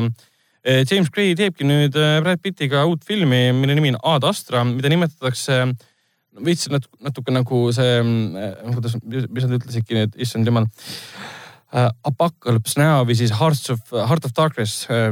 Apocalypse Now põhines sellel raamatul Heart of Darkness. Conradi Heart, Heart of Darkness. jah, täpselt uh,, nimetad, et see on nagu Heart of Darkness in space. et see on siis James Gray lavastatud, Brad Pitti uh, produtseeritud um, ja veel on peaosades seal näiteks Donald Sutherland, Tommy Lee Jones, Max Richter teeb muusika see kõik kõlab fantastilises mõttes, et no,. Hoite van Hoitemaa, kes on siis äh, Christopher in, Nolani hiljutiste viimaste filmide operaator, on selle filmi operaator. oli Interstellari, jah? Äh, ma võin kähku kontrollida, kas ta oli Interstellari peal ka. Hoiteva ähm,, Hoiteva täitsa Interstellar, Spectre, Dunkirk. täpselt no,. nagu võrratu. no muidugi Tinker Tailor Soldier Spy ka ja The Fighter äh,. David O. Russelli Fighter ja Letter Right One In ka muidugi algupärane et see film on olnud ikka kõvasti mul nüüd äh,, kuidas öelda, orbiidil puhtalt sellepärast, et hm, orbiidil äh,. sest see on ulmefilm, kus on ka võib-olla siis asi, kuskil keegi viibib orbiidil. sest filmi on... sisu kohta keegi midagi ei tea ju.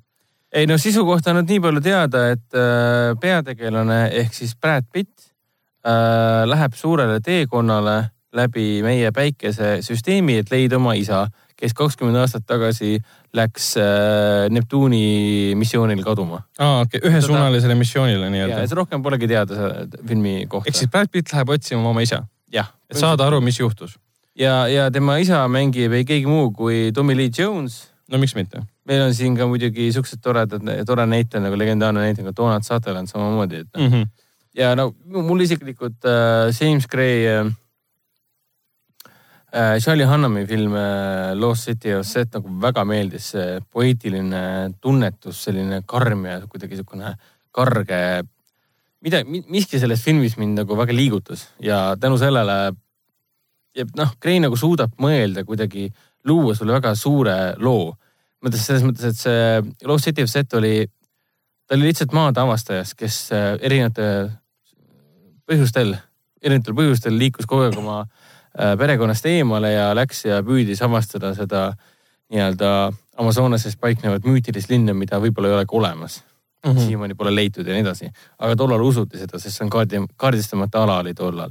noh, ja ta, sa tead seda lugu, sa saad sellest aru, sa võid ju vabalt lugeda Percy Hosseti kohta, see oli siis selle, selle maadeavaste nimi, sa loed Vikipeediast välja, et ahah, läks kaduma koos oma pojaga.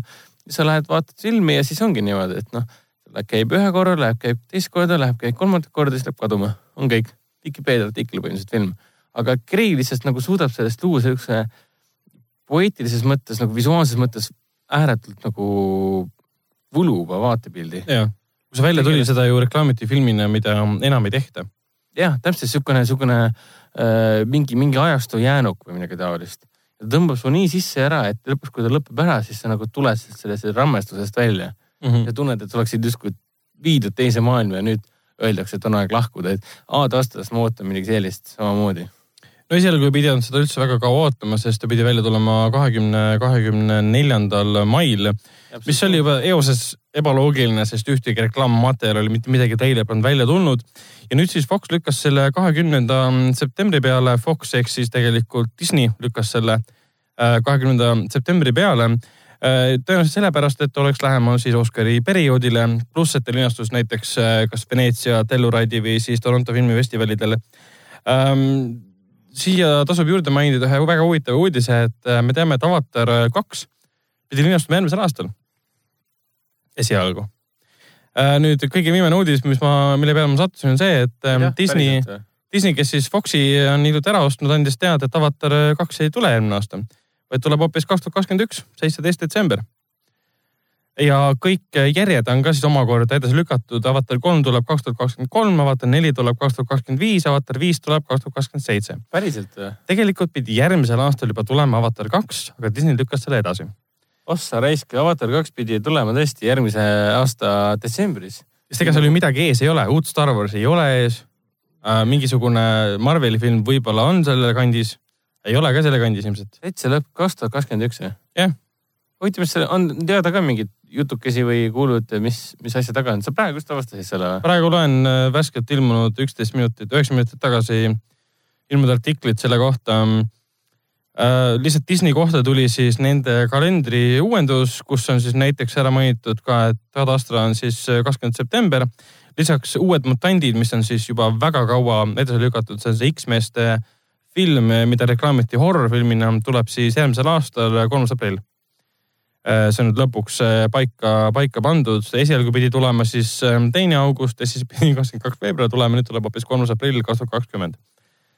Äh, mis on siis üllatav, aga mitte nagu väga võib-olla. puhtalt sellepärast, et Disney ostis Foxi ära ja teeb oma, kuidas nüüd öelda, oma äranägemise asju, uuendusi ega ei luba nii-öelda mm, Foxil oma asju edasi ajada, sest nad näiteks on mitmeid siin projekte, suuri projekte kinni pannud. kuigi me teame, Steven Spielbergi West Side Story remake on endiselt jõus ja töös, sellega ei juhtunud mitte midagi. me teame, et see Death of, of the Nile või On the Nile, mis on siis. On the Nile. mis on siis, issand jumal. noh. Agatha Christie Hercule Poirot järgmine film, kus siis teda mängis Kennet äh, Branaga, äh, kes teda mängis ja kes ka filmi lavastas. et see järgmine osa sellest, mis oli see Murder on the Orient Express, ähm, selle järgmine osa tuleb siis, ähm, tuleb siis järgmise aasta, issand jumal, see on siis oktoober. et äh, värsked uudised avatari maailmas. mina isiklikult ootan seda äh, Surm Niilusele väga. sõltumata sellest, et äh, Kene Branagh mulle Hercule Poirot'na üldse ei sobi.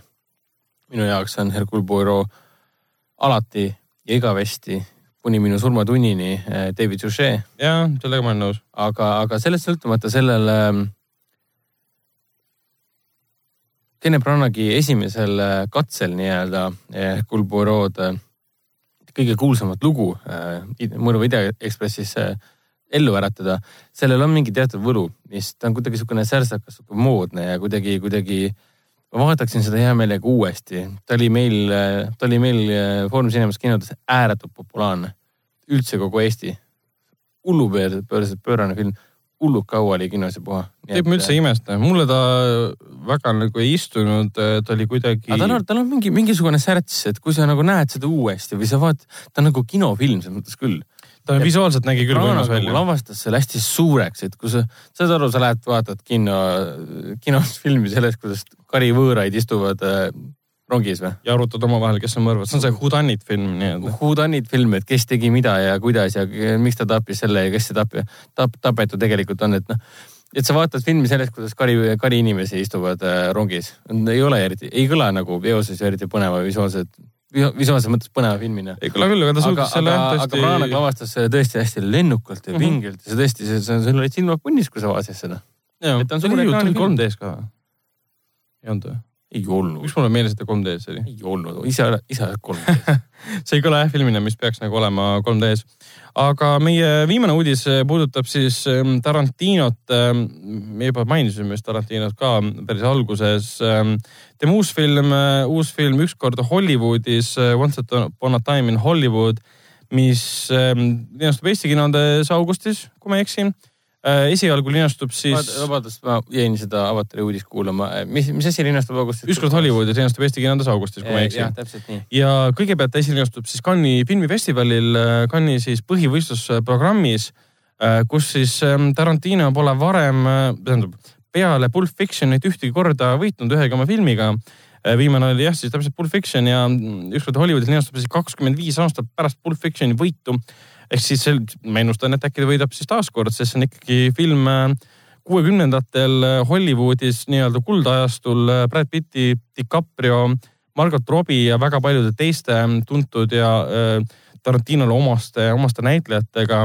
esialgu see Cannes'i filmifestivali programmist jäi üldse välja, põhjuseks oli see, et äh, Tarantino veel monteeris seda. aga ta nüüd jõudis mai alguseks selle täiesti valmis ja Cannes'i filmifestivali juht ütles, et äh, ta on väga-väga õnnelik, et Tarantino ja tema meeskond vahet, vahetult enne festivali algust. see on küll tore. täpselt, sest äh, Tarantinole anti siis viimane kuupäev ongi mai algus, et saa valmis, siis saad, kui ei saa, siis me jätame su välja ja sai valmis ja kõik on korras, et ähm, selles mõttes ähm, lugesin ka neid ähm, Cannes'i filmifestivali juhi siis ähm, ähm, selliseid avaldusi, kus ta kommenteeris erinevaid filme. et ütleski, et ta reaalselt vaatabki poolikuid versioone, mis on siis kas heli pooleli, montaaž pooleli ja nende põhjal teevad siis hinnangu, kas see film on piisavalt hea, et võtta siis võistlusprogrammi. Mis on nagu loogiline, sest kuupäevad on üsna varased aga sellega said meie uudised läbi või tahab Hendrik veel midagi lisada? ei, ma arvan, et see oli väga ilus äh, lõppmäng Vot, Cannes'iga. lõppmängust me veel räägime, räägime, räägime kohe varsti otsa. küll aga mainime ära, mis olid siis nüüd nädalavahetusel Eestis kõige vaadatumad filmid, see on siis kolmandast maist äh, viienda maini. esimesel kohal muidugi Tasujate lõppmäng, mis siis kogus ähm, peaaegu kolmteist tuhat vaatajat. see on teist nädalat Eesti kinodes. Vaatajad on kokku praeguseks äh, kuuskümmend, üle kuuekümne kuue tuhande metsik, metsik tulemus metsikule filmile. jah, noh, päris kaks miljardit ta ei ole, aga see on ka soovunelm ja utoopia. see on, see on okei okay.. mida rohkem on äh, maailmas kinosid, mida rohkem on maailmas äh, inimesi, kes kinos käivad ja mida rohkem on maailmas filme, mida inimesed ootavad, kes kinos käivad, siis, siis no näed, üks pluss üks on jätkuvalt kaks. ja vot, vot. üks pluss üks on kaks miljardit. Ähm, teisele kohale jäi siis ähm, suur seiklus, mida käis vaatamas nädalavahetusel ähm, neli tuhat seitsesada seitsekümmend üheksa inimest. see on esimest nädalat kinos. see on lastele suunatud animatsioon, kus siis Hendrik eelmises saates loendas, kes seal kõik peategelased olid. karu, hunt, jänes võib-olla. tore, tore lastefilm sellest, kuidas väike pandabeebi peab viidama koju terve karja erinevate karvaste ja sureliste poolt. absoluutselt selliseid filme on vaja, ma just äh, nüüd nädalavahetusel rääkisin äh, õe, õe tütrega, kes on nüüd kümme, üksteist. uurisin ka, et mida võiks kinno vaatama minna, mul peale lõppmängu mis asi, kümme, üksteist või? üksteist on, ei, ta on kümme. kümme on, pagan. võta kokku ennast, Õnneks meid on kaks ja sa alati mind parandada. võta kokku ennast. et ma uurisin tema käest ka, et mida ta vaatama tahab minna, mul tegelikult ei tulnudki pähe suur seiklus, ma mõtlesin lõppmängu temaga vaatama minna, aga ta ilmselt ei viitsi kakskümmend üks filmi enne ära vaadata. lisaks siis kolmandal, ja ja täpselt, kolmandal kohal on Ott, Ott Tänak The Movie, mis on nagu loogiline. filmil on kokku praeguseks seitsekümmend seitse tuhat vaatajat, mis on siis jätkuvalt ähm, Eesti siis nii-öelda dokumentaalfilmi rekord. Küll võib öelda võib-olla kurvastusega, et see on esimene kord siis äh, üle, mis siis seitsme, kaheksa, üheksa nädala. kas see oli nii pikalt või mitte, kui Tõde ja õigus ähm, langes, langes üldse nädalavahetuse top seitsmest välja. ta on kogu selle aja alates linastusajast olnud ähm, top seitsmes, kas siis ähm, top kolmes, esimene või siis viimaste hulgas aga lõpuks see juhtus, aga pole hullu, see on Eesti rekordifilm igati, igatipidi. filmi muusika on olemas nüüd allfilmi kaudu äh, nende Youtube'i kanalis ja igal pool mujal ähm, Spotify's ähm, ja Bandcampis olen kuulanud, see on suurepärane. aga vot sellega said meie uudised, uudised läbi ja lähme edasi filmide juurde, kus me ja ka seriaalide juurde, kus me nüüd mainime neid filme ja seriaale, mida me oleme va- vahepeal vaadanud kodus ehk siis mitte kinos, vaid Netflixi, Amazon Prime'i ja Minu tv ja kõikide muude asjade vahendusel. ja siis me mainime ära need filmid, mida me käisime vahepeal kinos vaatamas. ja. aga me teeme seda küllaltki lühidalt, sellepärast et eh, nagu me eelmises saates lubasime, sõltumata sellest, et eh, Helenit eh, seekord ei ole, sest ta valmistub Cannes'i filmifestivaliks, seekord me ikkagi teeme podcast'i lõpus väga suurelt ja laialt ära siukse toreda asja nagu tasujad lõppmäng, spoiler cast'i. jah, me... mida, aga mida tähendab, kallis Ragnar, spoiler cast? Ehk siis me spoilerdame, räägime kõik sisulised asjad, sisulised sündmused, tegelaste sündmused ära, mis sellesse filmi puutub. põhimõtteliselt kohe hakkame rääkima sellest, mida sa ei taha kuulda. kui sa pole filmi näinud. sest sellest filmist on väga raske rääkida või analüüsida. ette, siin ei ole sihukest asja, et sa paned suvalise koha pealt äh, sul on ikkagi sisukord on sul olemas kinoveebi artiklis ja, ja tegelikult äh, ole, ole hoolas. SoundCloudis ja igal pool äh, Delfi taskus ei saa seda eraldi välja tuua küll aga mm, saated kuulates on see kindel, et me ütleme ka vahele, et nüüd tuleb spoiler, ärge järgmised äh, kolmkümmend minutit kuulake, noh ärge lõpust viimased kolmkümmend minutit kuulake näiteks. aga enne kui sinna jõuame, räägime siis, äh, räägime siis filmidest ja seriaalidest, mis ma olen vahepeal vaadanud. Äh, mina olen siis vahepeal vaatasin tegelikult juba ammu ära mm, tasujate lõppmängu, tänu millele ma vaatasin uuesti ära esimese Raudmehe, teise Raudmehe ja esimesed tasujate filmid no kuidas siis tundus üle nii pika aja? esimene raudmees endiselt peab väga hästi ajale vastu, ta on endiselt emotsionaalne, ta on ähm, hea karakteriarendusega ja Robert Downey Jr lihtsalt on täiesti fantastiline selles rollis, ta sobib sinna rolli puhtalt sellepärast ka, et mõnes mõttes see roll on, ongi talle nagu kirjutatud, loodud. vaata, vaadates. Tony Stark ongi Robert Downey Jr põhimõtteliselt jah, vaadates tema, tema enda elu ka, et tema vanemad olid ju näitlejad, isa oli režissöör. Kuidas ta äh, pärast kuulsuse saamist äh,, ta on väga kaua tema karjäär siiski kestnud äh, enne, enne Raudmeest, kuidas ta sattus äh, narkootikumide küüsi vanglasse isegi oli päris pikalt kinni ja sai sealt välja ja sai uue võimaluse ennast näidata Raudmees hoopis teisest küljest. Ja Raudmees ise on ka tegelikult nagu äh, lunastuse lugu eh, mehest, kes otsustas olla parem. jah, taassünni lugu ja see on eh, nii Raudmehe, Tony Starki lugu kui ka, ka Robert Downey Jr lugu.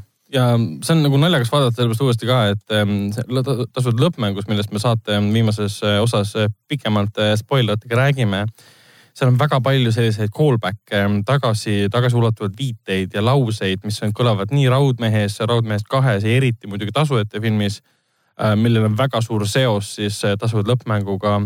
et selline, kuidas nüüd öelda, mineviku teekond minu jaoks meelega, ega Raudmees kaks endiselt ei ole see kõige parem osa. Raudmees kolm on suurepärane film, Raudmees kaks on selline, ta on kuidagi väga eraldiseisev, ta ei seostu millegi muuga, välja arvatud see, et Natasja Romanov ehk siis Black Widow äh, teeb oma esimese etteaste seal muidugi on Nick Fury'l seal suurem roll ja Clark Gregg, Craig ehk siis ähm, Agent Coulson on siis ka seal suurema rolli omanik ähm,. aga see film on selles mõttes huvitav, Raudmees kaks, et ta on väga nagu terve filmi peale ulatuv karakter study või noh, karakteri uurimus, karakteri äh, analüüs äh,, kes on Tony Stark äh, läbi kogu filmi e,. ja mulle tundub, et äh, kuna selle filmi produktsioon oli ka üsna, üsna problemaatiline olnud, John Farrow ja siis ähm, äh, stuudiot Marveli jaoks ka sest see oli ikkagi Paramontiga koos veel ju toodetud põhimõtteliselt ja levitatud film. Ehm, enne kui nad kõik eh, rekord hakkasid purustama, kõik ise hakkasid tootma. aga ta on huvitav pusa selle koha pealt, et kui sa tahad teada rohkem, kes on, kes on Raudmees ja näha filmi ainult temast endast, siis see teine osa ongi see. Äh, kõik muu seal, see Ivan Vanko ja, ja kes, kes seda mängis nüüd, Mickey Rourke ja mm, Sam Rockwelli Justin Hammer ja see põhiantagonist või vastane on väga igav ja kuiv ehm, aga ta kannab ka nagu seda funktsiooni, et ta peegeldab vastu ähm, raudmehe arengut ja mis on huvitav. aga kuidas Vankoga on, kas ta on nagu ajale vastu pidanud või? ma mäletan omal ajal oli, no Mikki Rourke on äge, aga Vanko tänu sellele, et Mikki Rourke oli, oli omaette, omaette ooper. no see on selles mõttes naeruväärne, et ähm, see on nagu nii Hollywoodilik äh, viis näidata mm, Venemaalt pärit inimest, sa paned äh, USA näitleja näitlema venelast, kes räägib vene aktsendiga ja räägib väga halvas vene keeles ja äh, elab Venemaal, mis, mida näidatakse sinistes toonides äh, jubeda paigana põhimõtteliselt, kus tossu voolab tänavate mööda, kõik on lumi kogu aeg ja niisugune väga-väga klassikaline mis on loogiline arusaadav, sest Hollywoodis on alati Venemaad umbes niimoodi kujutatud ja sa ei hakka seda asja muutma, sest publik on sellega harjunud um,. tema ei pea väga hästi vastu, seal on siuksed imelikud valikud, mis on nagu nii koomiksilikud üldse olla saavad, et äh, ega need filmid on kõik väga koomiksilikud. aga mm, tulevikus nad suutsid selle, eriti tasujates muidugi selle balansi väga hästi saavutada äh, karakteri arenduse ja siis muidugi tegevuse action'i osas. ja esimene tasuja, see on koht näeb isegi põnevam ja, ja visuaalselt nagu ägedam välja kui ähm, tasujad muidugi Ultroni sõda ja, ja igaviku sõda ja siis ähm,. Ultroni sõda. Ultroni ajastu ja isegi lõppmäng, et tasu, esimene tasujad on väga-väga oluline, olulisel kohal lõppmängus muidugi. no see oli tohutu, tohutu ettevõtmine ikkagi, et need tegelased kõik kokku panna, sihukest asja polnud. absoluutselt. ja, ja noh aga samas noh, MCU äh.... see on üks kõige olulisemaid filme muidugi MCU-s ka, sest see esimene film, mis tõi nad kokku, see oli Joss Whedonil lavastatud, seal oli äh, mitu, vähemalt üks selline tseenkaader ka, kus sa neid kõiki neid tegelasi näed liikumas, tõmmatakse ühte kaadrisse. see sihuke tunne, kui sa seda vaatad, et kui sa kunagi koomikseid lugenud, sa näed, kuidas koomiksid paneelid ärkasid filmi kujul ellu et see oli nagu võimas saavutus, mida Josh Whedon saavutas, et olgugi, et ta põles läbi Ultrani ajastu lavastamisega, sest ta lihtsalt ei suutnud äh, tõenäoliselt äh, leppida sellega, et äh, kui sulle suurstuudio kuklasse hingab, nõuab midagi, sa tahad samal ajal ka loomingulist vabadust tegelastega, mis sulle tegelikult ei kuulu, sest ta lihtsalt ei suutnud seda kõike hallata. hiljem, hiljem teistel reisijadel tuli see veits paremini välja, aga sellest natuke hiljem ka. lisaks ma vaatasin sellist seriaali nagu Barry Äh, kolm esimest episoodi olen ära vaadanud, see on siis Bill Haderi seriaal, mis on äh, väga andekas. kus sa vaatasid seda äh,? internetist. okei okay. Ja see on väga äge sellepärast, et äh, hiljuti ma nägin ühte videot, kus toodi välja siis parimad äh, lahingutseenid ähm,. tundus, et see video räägib sellest, et parim lahingutseen on siis kas ähm, tasujad lõppmängus või siis ähm, droonide mängus siis selles The Long Night episoodis äh, tema ütles ei. kõige parem episood on siis äh, Barry teises äh, hooajas, vist oli kuues või kaheksas, ma ei mäleta, mis episood see oli, mina pole sinna jõudnud. kus, kus Barry tegelaskuju, kes on siis palgamõrvar, kellel on ka nii-öelda sutenöör, kes annab talle siis nagu vahendeid ja inimesi, keda mõrvata saab, teeb lepinguid ja umbes niimoodi erinevate kahtlaste isiku, isikutega. ja samal ajal Barry üritab olla siis ka hakkaja näitleja kuna tal on äh, palgamõrvari töö väga igavaks muutunud, tal tekib ähm, eksistentsiaalne kriis ja ta satub ähm, näitetrupi juurde, kus tema üks ohver on ja mm, see ohver muidugi kõrvaldatakse ja tema võtab põhimõtteliselt nagu mitte päris tema koha, aga saab tänu oma ohvrile siis sinna endale koha. ja, ja see on kõik väga fantastiliselt kokku pandud, see on väga unikaalne lausa selline, kuidas nüüd öelda äh,, idee äh, äh, kuidas avada sellist karakterit ja seal on väga-väga põnevad kohad, seal on äh, esimeses kolmes episoodis on üks, ähm, äh, seal on siis Tšetšeenia äh, maffia, keda mängivad jälle Briti näitlejad muidugi. Äh, kutsutakse üks Briti näitleja kohale, kes on, mängib, mängib siis Tšetšeenia kõige kuulsamat palgamõrvarit, sarimõrv, mitte sarimõrv, palgamõrvarit siis. ja jõuab kohale ja see on ilgelt vana mees, kes põhimõtteliselt ütleb päri ühele sõbrale, kes on kinni seotud, et ta vihkab oma elu, et on alates väiksest äh, lapsepõlvest saadik näinud ainult surma ja siis ta räägib sellest, kogu aeg ma olen surma, surma, surma näinud. ja siis ta, see põhimõtteliselt peegeldab päri enda karakterit, et kui ta oma elu ei muuda, ta lõpetab samamoodi. Ja siis see vana mees, ähm, kes on suurepärane näitleja, ma olen teda mitmes kohas äh, näinud. Ühel hetkel võtab siis relva välja, lasub maha ennast, sest äh, ta on elus ainult surma näinud ja tema elu lõpeb ka vägivaldselt, nagu ta seda elas. igatahes suurepärane asi, soovitan kõigile vaadata aga räägime äkki troonimängu kaheksanda hooaja siis neljandast ähm, episoodist ähm,. see on siis esimene episood pärast ähm, äh, The Long Night'i ehk siis suurt sõda äh, surnute vastu äh,, mida küll paljud arvasid, et, äh, et keegi nagu ei näinud korralikult ja, ja mida mina küll nägin korralikult ja tundus paljude jaoks ka muidugi liiga, kuidas nüüd öelda, kiirustatud ja Hendriku arvates ka ebavajaliku lõpuga, et see oli liiga ootamatu ja nii-öelda juhuslik lausa ähm,. ma olen veits pissed off selle asja peale, aga no okei okay.. et noh, eks see. kolm, kolmas osa oli väga äge ses suhtes, maru, ma, ma jään endale kindlaks, kui ma ütlen, et äh, ma hoidsin poolteist tundi hinge kinni. täiesti nõus, aga siis ähm, neljandas episoodis, me ei hakka praegu loetlema, kes seal kõik surma said kolmandas ähm,. neljandas episoodis me näeme nende vastuseid.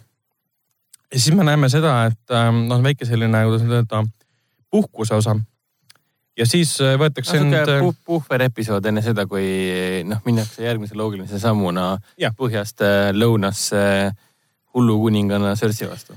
Jah, nagu Tõni selles neljandas episoodis ka ütleb, et ähm, mm, me oleme võitnud sõja siis surnute vastu, nüüd me läheme võitma viimast sõda. elavate vastu. elavate vastu, täpselt.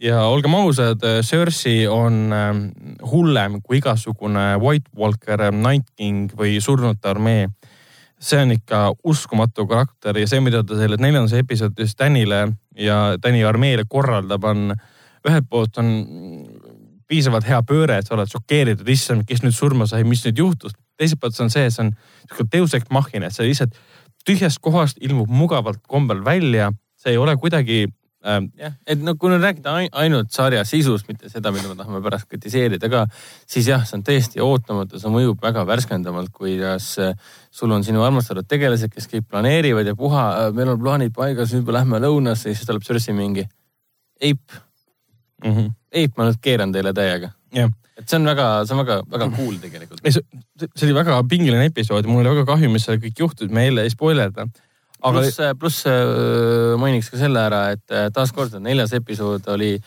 jälle selline callback episood äh, esimesele hooajale mm. -hmm. et see on eesti keeles, nii palju ingliskeelseid sõnu meil siin saates. on, on tõesti niisugune tagasivaatlik episood, et nagu meil oli viimase hooaja esimene episood oli väga tagasivaatlik esimese hooaja esimesele mm -hmm. episoodile. kui me tutvusime kõikide tegelastega, me nägime, kui kaugelt on keegi tulnud äh, esimene hooaja esimene episood ja kaheksanda hooaja esimene episood. siis neljas episood tuletas väga-väga meelde just nimelt esimesi hooaegu, kus samamoodi Starki mees äh,, Eda Stark läheb lõunasse äh, kuninga panemaks käeks ja mis sellest kõik sai. me kõik teame, mis juhtub Starki meestega. ja siis juhtub Eda Starkiga see, mis juhtus, löödi pea maha riigi reetmine ja kõik see. siis tuleb, see ei ole enam spoiler. aasta oli siis kaks tuhat üksteist. no ja siis, äh, mis meil tuli, meil tuli Rob Stark äh,, Starki õigusjärgne puhas, puhas vereliini esindaja. Läheb sõtta lõuna vastu, mis temast sai, loomulikult Su, surdi maha nii-öelda, laibastus ära. et noh, äge tagasivaatlik episood selles mõttes, et seal üks tegelane ütleb ka ju, et äh, meil on päris halb ajalugu sellega seoses, kuidas Starki, kui Starki mehed lähevad lõunasse, siis bad things happen. Mulle meeldis kõige rohkem selles episoodis ähm, Sansa, Sansa lause, kus ta ütles Houndile ehk siis Sandor Clegane'ile, äh, kes tema, Sansa ees kunagi siis King Landingus, King's Landingus äh, nii-öelda hoolitses, kui Sansa oli veel väike, väike linnuke. see on see Little see, Bird, mida ta ise korrutas tegelikult Sansale. väike linnuke, keda Joffrey piinas ja siis äh, Clegane ütleb talle, et mõtle, kõik oleks teistmoodi, kui ma oleksin su ähm, ära viinud, kui sa oleksid minuga koos tulnud King's Landingust ära põgenenud Äh, mille peale Sansa vastab, et äh, kui ma oleksin ära põgenenud, siis ma poleks kunagi kohanud ähm, Littlefingerit, kes leidis oma huvitava lõpu, ma poleks kohanud elu sees Ramsey Boltonit, kes muutis äh, Sansa elu täielikuks vastikuks rõvedaks põrguks. sa tahad jõuda selleni, et ta ütles, et ma oleks ikka, ma oleksin ikka veel see väike linnuk. terveks eluks väikse linnukeseks jäänud ja nüüd ta on nagu võimas tegelikult põhja valitseja, sest me teame, et Johni äh, Johni, mm, kuidas nüüd öelda, soovid asuvad mujal, tema ei saa, taha olla kuningas, tema tahab olla koos Täniga, aga kõike, kõike ei saa. Ja selles episoodis tuli mõni saladus välja, eriti naeruväärsel kombel, muidugi Elli andis tunnistust eh, Benioff ja Wise'i siis ehk siis seriaali stsenaristide kiirustamise sihukest maigust, et nad tõmbavad hästi kiiresti kokku nagu kaheksa hooaega, seitse hooaega arendatud teemasid ja karaktereid täiesti absurdselt viisidel, mis läheb kuidagi kokku, vähemalt esialgu mulle tundub, ei lähe kokku nende karakteri joontega. Äh, siin samamoodi, et ütleb ühe saladuse oma õdedele välja ja saladus hakkab väga kiiresti liikuma ja see on väga absurdne. Ähm, jah, noh, eks. kas me nüüd hakkame rääkima negatiivsetest asjadest või? Äh, kas me juba rääkinud või? no mis negatiivseid asju sa tahad välja tuua trooni mängu kohta? no see, et äh, nagu kindlasti paljud on märganud ka erinevate äh, kriitikute arvustuste põhjal, et noh, neljas episood on jälle noh, see nii-öelda uue droonide mängu ehk siis nagu äh, aeg pärast äh, Martini, Martini materjale ehk siis yeah. äh, aeg pärast seda, kui sari jõudis äh, Martinile järgi, George R. Martinile järgi ja nad liikusid edasi ilma Martinita nii-öelda. teadmata, kuhu Martin minna tahtis. jah, ja siis nad loovad ise Martini loodu põhjal äh, omaenda nägemuse sellest arengust ja siis noh seitsmes hooaeg kannatas päris kõvasti selle all, et siis asi muutus kuidagi mugavamaks, asi muutus kuidagi ootamatumaks, asi muutus äh, ebaloogilisemaks. Asi oli ka märgatavalt äh,, märgatavalt nõrgendanud sellele, et kui me oleme muidu harjunud kuus hooaega järjest vaatama tegelikult väga pingelist poliitilist mängu, väga pingelist äh, salapärast äh, õõvastavat verist äh, fantaasia õudusmängu põhimõtteliselt. kus iga asja jaoks anti aega, võeti aega. täpselt, et, et, et see on siin üldse häirinud ka, et surnud tulevakuga, surnud tulevakuga, sa, sa, sa olid alati põnevil, kui keegi läks sinna müüri taha neid uurima ja otsima mm -hmm, taga mm. -hmm see mängiti väga suureks, siis kõik tuli aeglase sammuga, sest see oli nii loogiline, aga nüüd on see, et see, mis juhtus kolmandas osas öökuninga, kuningaga mm, see on juba hea näide tegelikult ja kuna nüüd siin selles äh, hooajas kuningat üldse rohkem ei maini mm., siis, siis, siis ma, sorry, sorry, et ma jälle inglise keeles räägin, aga siis ma olen tegelikult täiega pissed off selles suhtes.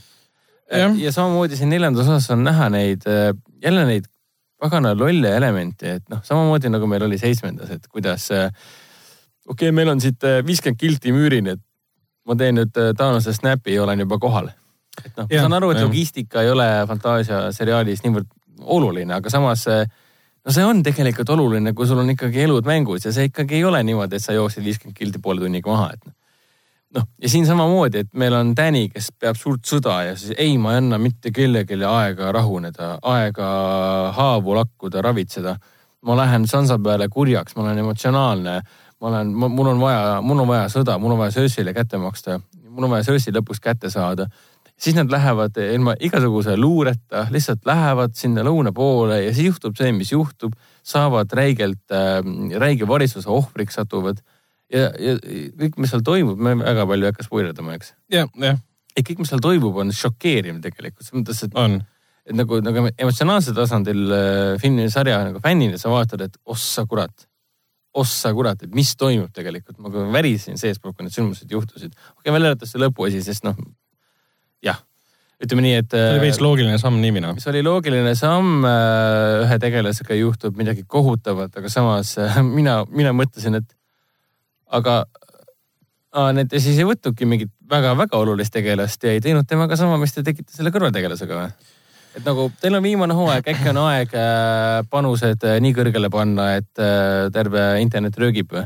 põhitegelasi tapma hakata, noh no,. ma arvan, et nad hoiavad ennast tagasi nüüd viienda ja kuuenda no, osa jaoks, et. tagasi, aga teil on neid põhitegelasi päris palju, et. nüüd viies osa tuleb päris, päris sõda, ma arvan, et siin Danny põletab selle Jamie koos Cersei'ga surnuks ja siis ühel hetkel keegi tapab ära Danny enda ja siis Vi, nagu... viies-kuus episood, ma arvan, et me kõik nutame umbes sellepärast, et kõik armastavad tegelased, keda on kaheksa hooaega jälginud, surevad ära. ja aga praegu on niisugune tunne, et äh, nagu teekond on äh,, pole enam nii oluline ja sihtmärk on nagu palju olulisem et ja, me nüüd ei mõtle, stsenaristid enam ei mõtle selle, Benny of Wise enam ei mõtle selle peale, et no tead, nad, nad tegid selle viimase hooaja täpselt niimoodi, et me nüüd liigume ühest suurest sündmusest mm -hmm. teisele ja teeme need lahendused ära. mütoloogia arenduse peale, ajaloo arenduse peale enam keegi enam ei mõtle, see kõik lõpetatakse kiiresti ära. nüüd me teeme võimuvõitluse lihtsalt lõpuni. selline tunne jah ja, ja, ja, ja tänu sellele see asi muutub, sa lähed nagu mina isiklikult läksin kohati marru Danny peale, ma läksin Johni peale marru, et mingid mingid, äh, mingid, mingid, meil on kaheksas hooaeg, ikka, ikka mingid, mingid vankumatud põhimõtted. pärast kõike seda, mis on juhtunud, ei, ma pean endale tõe, äh, endale, endale, mis ma tahan nüüd öelda? kindlaks jääma. kindlaks jääma, ma, ma, ma ei saa seda saladust hoida mm., ma pean kõigile välja ütlema, et see muudab kõike ja nii edasi, ära muretse ja siis on, siis, siis on teine osapool maruvihane ja võtab oma stantsi ja kõik noh. no varem oligi see, et neid asju oli, oli aega seedida, sest episood oli kümme nüüd ma tegelikult ei näe ühtegi põhjust, miks on episood ainult kuus, nad on küll pikemad äh, kui ükski varasem episood selle koha pealt, aga kümme episoodi oleks, tundub praeguse seisuga neljanda, nelja, nelja episoodi seisuga nagu põhjendatud. et võtke aega, arendage mingeid okay, asju rahulikult. pooleteisttunnist episoodi, millest, äh, millest, millest neli on tegelikult siis, ei, jah, neli on pooleteisttunnised. no peaaegu pooleteisttunnised. ei olnud, tund kaheksateist minu silmis oleks võinud olla siin vaba, rahulikult äh, kümme episoodi ja kõik on tund kaheksateist, millest. no näiteks jah, aga no, ma ei tea, see tundub pigem hea, nagu kõik, kõik liikmed, asjaosalised tahavad edasi liikuda lõpuks ja. ja, ja siis mingite tegelastega, ägedate tegelast, Brianna Start, noh, ta on nii tugev karakter. ta on nagu tugev naiste karakter, tõesti väga äge tegelane ja siis äh, nad litsuvad selle karakteri lihtsalt laiaks ja puhtalt selle nimel, et anda talle kähku mingi, mingi lõpplahendus et jätta ta kuskile paika, tekitada talle üks vastav suhe ja, ja, ja siis äh, taandada ta tagasi inimeseks, kes ta võib-olla kunagi oli või ta peaks olema. et noh. samamoodi et... see otsus, mida tehti Jamie karakteriga, oli minu arust ka umbes niimoodi, ma saan aru, miks ta seda tegi, aga seriaal ei suutnud seda mulle kas selgeks teha või veenda mind selles, et ta selle otsuse vastu võttis. ja täpselt, et Jamie, Jamie teeb seda, mis ta teeb ainult sellepärast, et sina lihtsalt mõtlesid, et jaa, kui läheb suureks põrgulikuks sõjaks, siis oleks ju väga tore, et Jamie seal oleks, siis on, siis on publik ju ühe no, ja puhe veel, et äkki ta saab surma. see on ju palju loogilisem, kui ta kuskil mujal, ta peab ikka sõja keskel olema, et see on nagu palju loogilisem. samas nad on ennast varem ka korduvalt tegelikult nurka kirjutanud ja sellest ikkagi kuidagi välja pääsenud väga rahuldaval kombel, et äh, ma arvan, et siin ei tasu enne õhtut hõisata, et vaatame selle viimase episoodi nüüd no, kahe seda, nädala pärast ära ja seda, siis hindame tervikut. ma ju armastan ja mida sa armastad, seda sa ka kritiseerid, et noh meil oli ka aeg, kui see Daenerys muud ei teinud, kui kõrbes jalutas, et noh. ja karjus, kus mu draakonid on. Ja, ja oli oma sõjaväega kuskil kõrbes, samal ajal kui teised äh, jahmerdasid ringi ja tegid suuri tegusid, siis üle, üle publik mingi. aga kus Danny on? ikka kõrbes kõnnib, okei okay. mm.. et äh, kõik on, kõik on hästi selles suhtes, nii, aga üks naljakas asi, mida ma lugesin äh, torgu, torgu nuudu kohta, Grey, Grey Wormi kohta ähm,. selles ähm, The Long Night äh, lahingus äh,, kus ta pidi improviseerima äh, seda keelt, mida nad räägivad, vaata nende ansaalide ähm,. mis keelt nad räägivad, ma ei mäleta praegu, see oli lõunast pärit keelt, kust nad ise pärit on. ja siis äh, Grey Wormi tegeleja, näitleja äh,. Valüüria. Valüüria, jah, Valüüria täpselt yeah ta pidi Valüüria keeles rääkima, seda keelt ennast pole nagu olemas ja ta improviseeris. ja siis lahingu ajal väidetavalt olevat karjunud äh, Mike Pence. ja siis ta jooksis lahingusse. aga filmis või selles seriaalis mitte keegi seda ise nagu tähele ei pannud, tõenäoliselt äh, lugeja või seda vaataja tähendab. aga ta improviseeris ühel hetkel ja see oli selline lause, mida mitte keegi ei kuule, hüüatus, mida keegi ei kuule, sest kõik lahinguhääled olid mujal.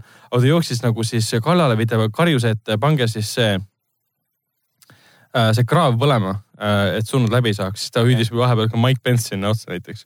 Äh, kuna ta pidi valüüria keeles improviseerima, ütles Mike Pence. seda polnud võimalik kuulda ka? ei, seda saab, saab ka ainult siis teada, kui, kui sa loed seda intekat, kus ta sellest räägib. see on äh, väga huvitav äh, fakt. jah um,. Lähme edasi sellega, et eelmisel nädalal alustasid kinodes õudusfilm Imelaps põrgust um, Inglise äh, keeles The Prodigy. täpselt, ähm, komöödiafilm Vaat kus paar, inglise keeles Long Shot. peaosades Charlize Theron ja Seth Rogen. täpselt ja siis alustas muidugi ka äärmiselt nurjatu, uskumatut Õele jäle, mis on siis Ted Bundi film te,, sarimõrva Ted Bundist ähm, tehtud film, mille peaosas on Zac Efron ja animatsioon Suur seiklus, äh, mis jäi siis, me juba mainisime nädalavahetusel teisele kohale Äh, meie vaatasime nendest siis, noh, võime mainida Endgame'i käisime uuesti vaatamas ja muidugi me vaatasime ära siis ka Vahtkuspaari ja käisime ka mm, kinoklassika Foorum Cinemase kinoklassika raames äh, kosmose Odusseiat vaatamas. Äh, Endgame'ist me räägime natuke hiljem. vaatkuspaar oli tõesti hea komöödia minu arvates. ta oli väga naljakas, ta oli väga tänapäevane, seal käivad viited Fortnite'ile, oli Fortnite või? jah, jah, ei, Fortnite lõppmängus äh,. Spoiler. jah, tääbe, tääbe, tääbemine oli ka äh,. Seal on viited droonide mängule, seal on viited Marvelile, seal on väga tänapäevased sellised äh, arusaadaval kombel sisse kirjutatud viited Trumpile.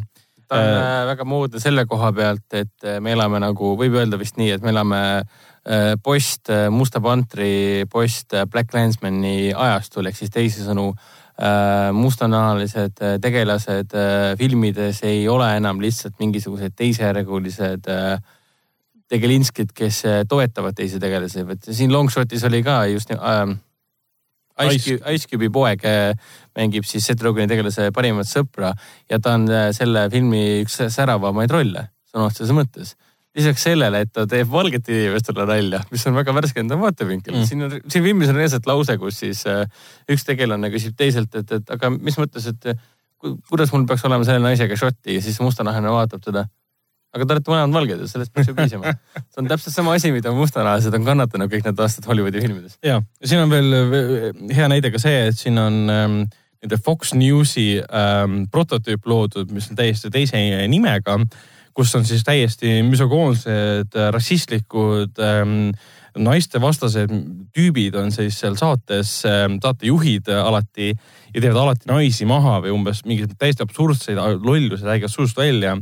Ja ühel hetkel nad seal kutsusid vist äh, mingi paneeli äh, ja seal äh, paneeli liikmete hulgas oli, kes seal nüüd oligi, mingi absurdne inimene, kes ei tohiks kunagi oma arvamusi avaldada.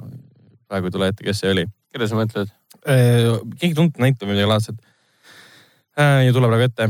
igatahes see oli paksult neid nalju täis, et ma pidin pärast hakkama netist otsima kõik need naljad, mida Longshotis ära tehakse.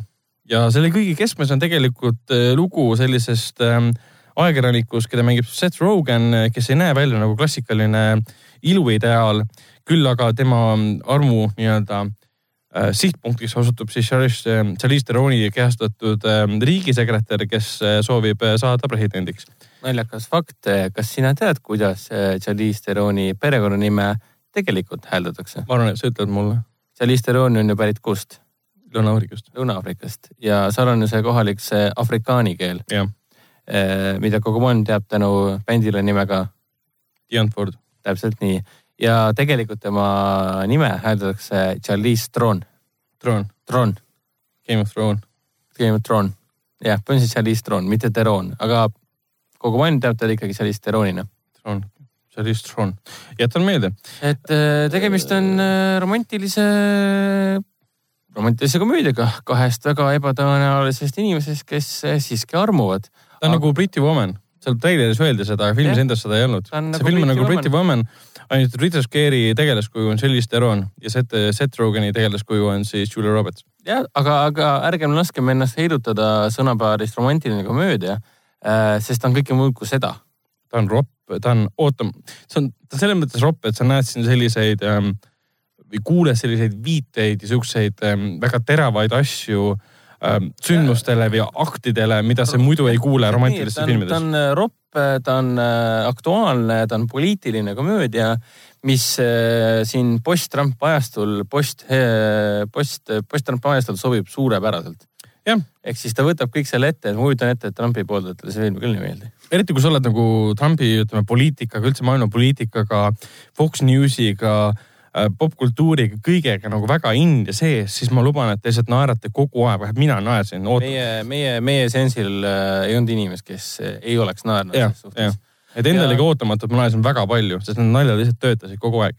ja noh, lugu, nagu sa mainisid tegelikult, et sa mainisid ikka loo ka ära, et kes tegelikult meie peategelased on. üks on ajakirjanik ja Teror on siis äh, tulevane presidendi äh, kandidaat täpselt. nii-öelda. ja siis tulevane presidendikandidaat, tal on vaja põhimõtteliselt kampaania jaoks äh, kirjutajat, kes kirjutaks, aitaks tal humoorikamaks muuta, südamlikumaks muuta siis äh, kõnesid ja kuna ta tutvub äh, ühel peol siis äh, tegelikult oma ammuse tuttavaga, keda käsib siis Seth Rogen, kes oli kunagi siis äh, väike poiss muidugi ja siis äh, selliste erinevaid tegelaskuju oli tema lapsehoidja.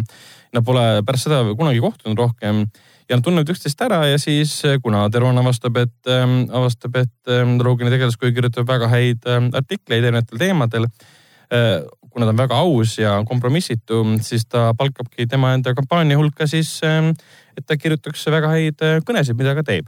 ja muidugi sealt sütib armuleek, mida siis ähm, muudab keerukaks äh, erinevad, ähm, kuidas nüüd öelda, asjaosalised ja asjaolud. jah, sest see Drogani tegelane on selline mm, siht, kindla sihtmärgiga, kindla veendumusega ajakirjanik, kes on veendunud, et sa pead tegema justkui õiget asja. ta on nagu lihtne inimene, kes õpetab poliitikule, et seisa millegi ees, sest muidu sa langed ükskõik mille pärast.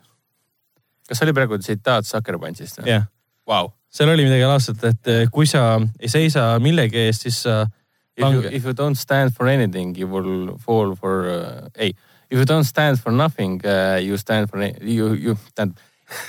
If you don't stand uh, for uh, nothing, you fall for anything. Midagi taolist, jah, midagi taolist, see oli see Scott, kurat ma ei mäleta, Scott Cooper äkki või?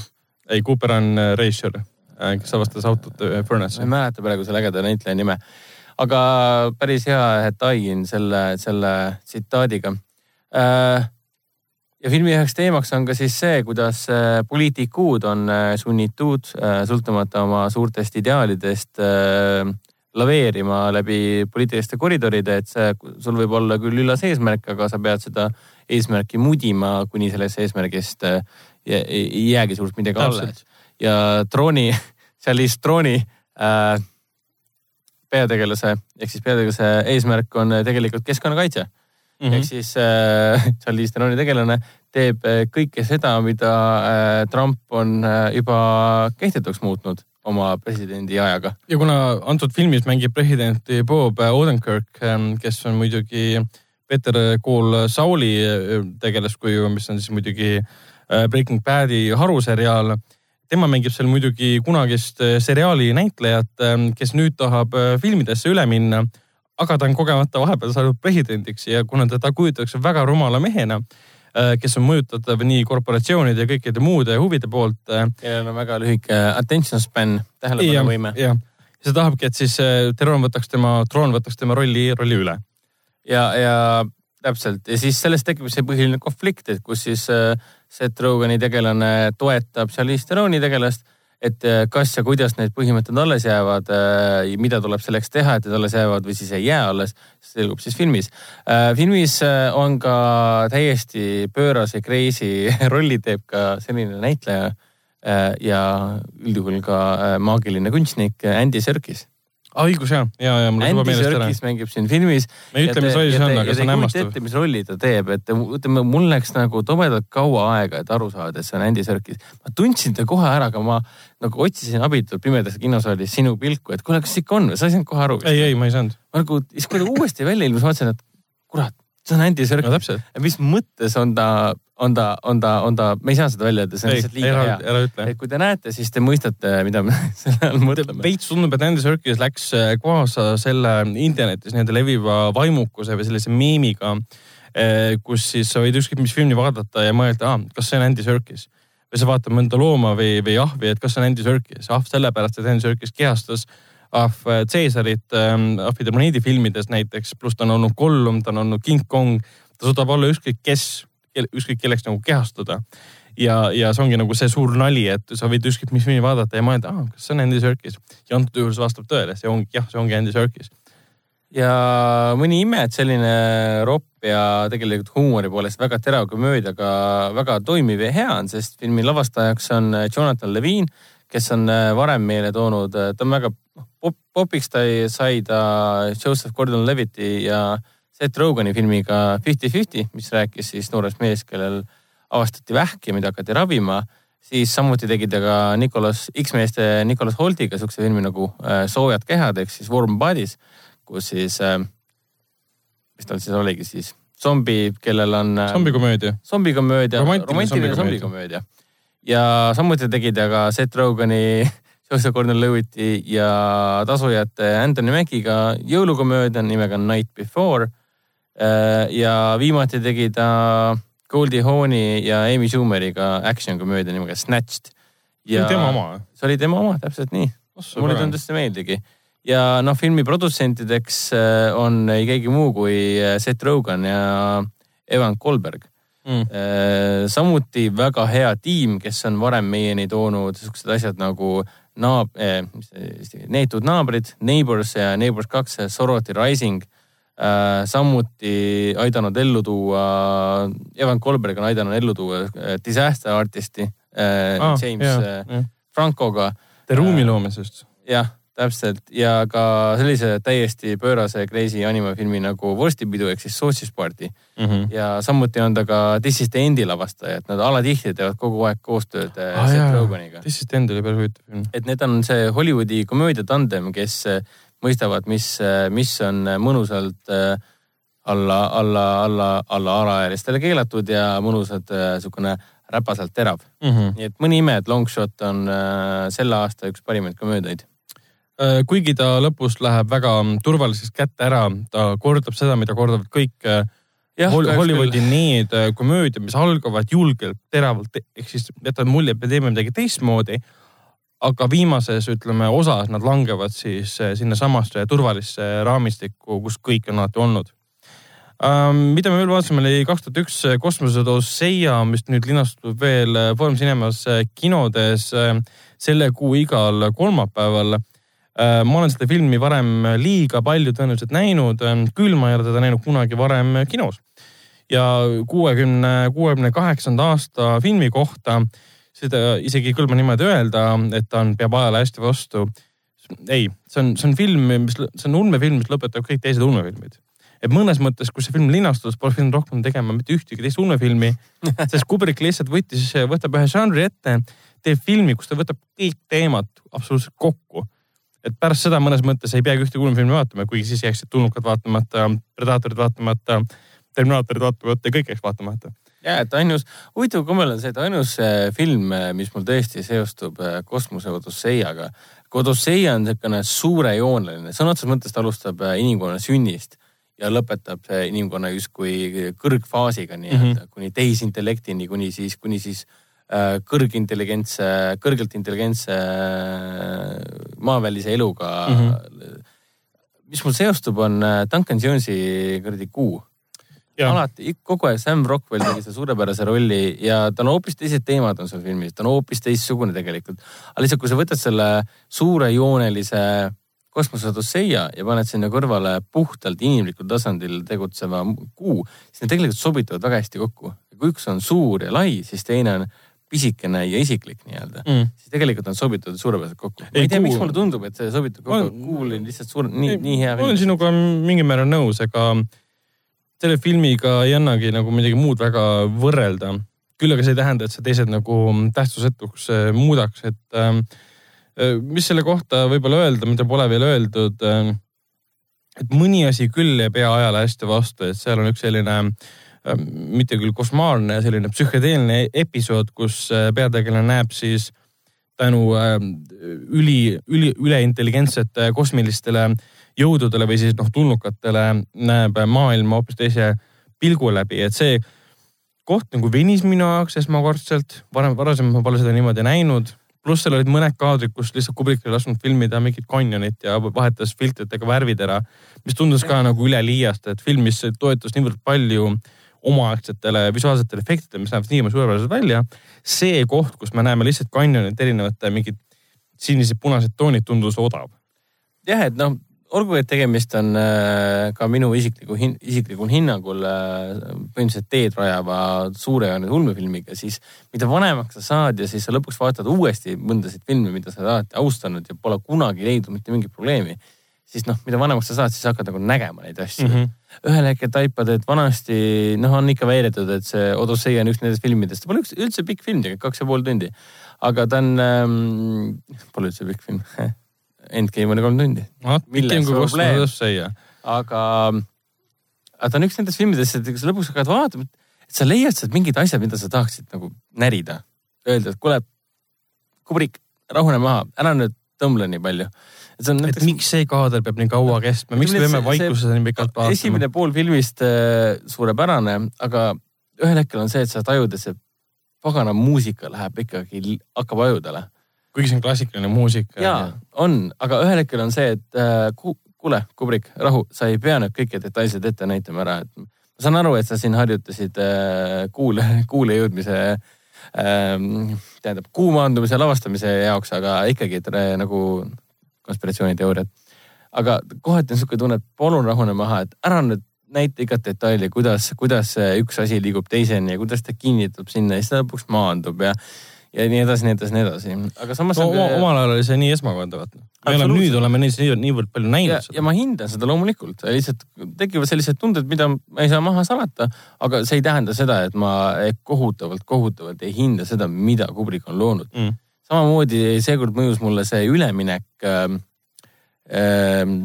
üleminek sellele psühhedeelsele lõpule, see mm -hmm. mõjus kohati nii veidralt, et et nagu mind tõmbas nagu filmist välja korraks. järsku, järsku tuli peale justkui. ta justkui tuli, tekkis sihuke tunne, et film sai otsa ja nüüd me teeme uue filmi mm -hmm.. sihuke tunne tekkis kohati.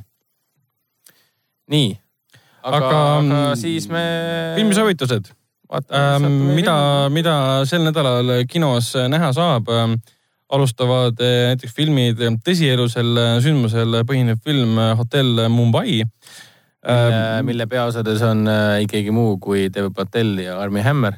jah, mis tegelikult festivalidel juba ammu linastus, äh, on kiidetud, eriti peaosa täitjate tõttu ja eriti kuna see põhineb väga traagilistel ja kohutavatel sündmustel, kus terroristid tundus, tungisid hotelli, äh, siis on see kindlasti väga valus vaatamine.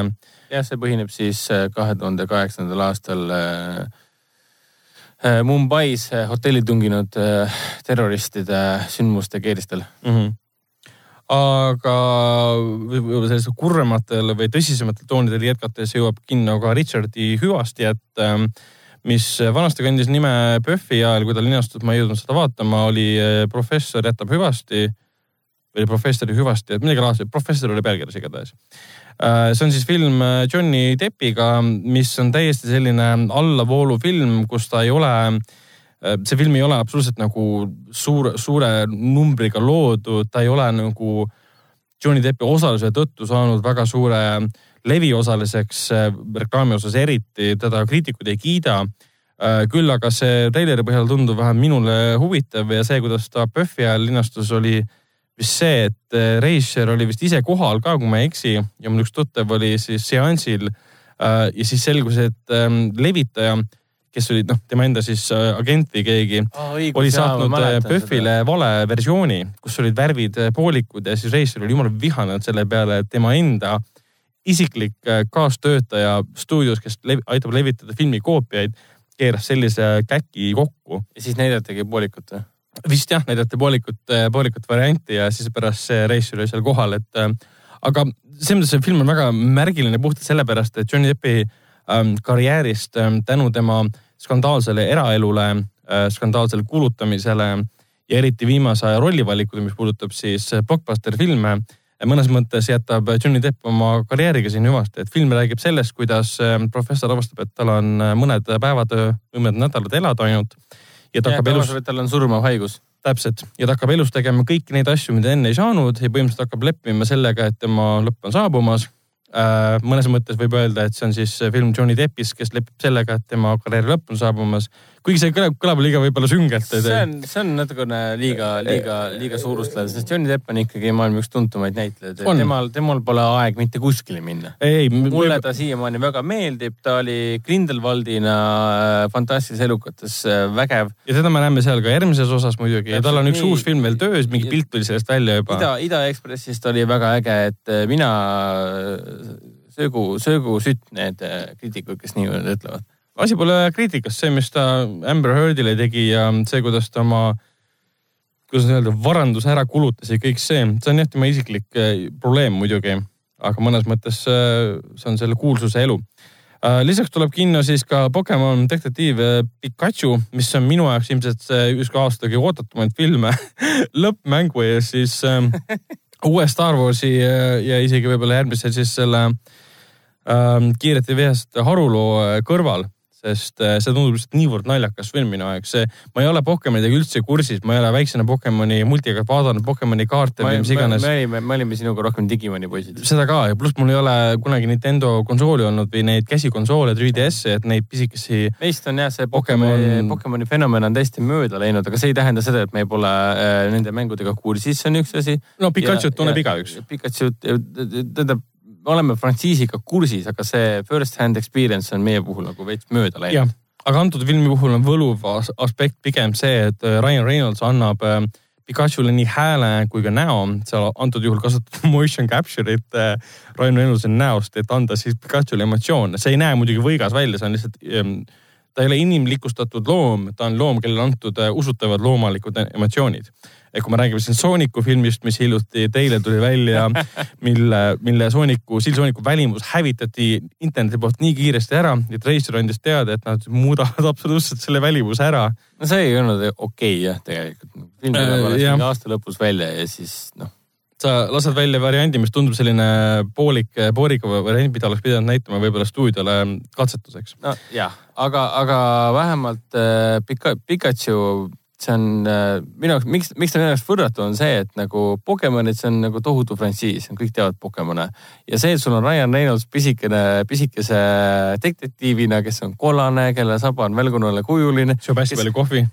Räme kohvihoolik, joob kogu aeg kohvi ja tal on peas pisikene see detektiivi müts. müts lisaks sellele, et see on kohutavalt nunnu, siis on sul on Deadpooli Ryan Reynolds äh, teeb äh, lastesõbralikku äh, teksti mm -hmm. ja improb rämedalt palju. siin, siin, siin ei ole põhjust, miks seda mitte armastada.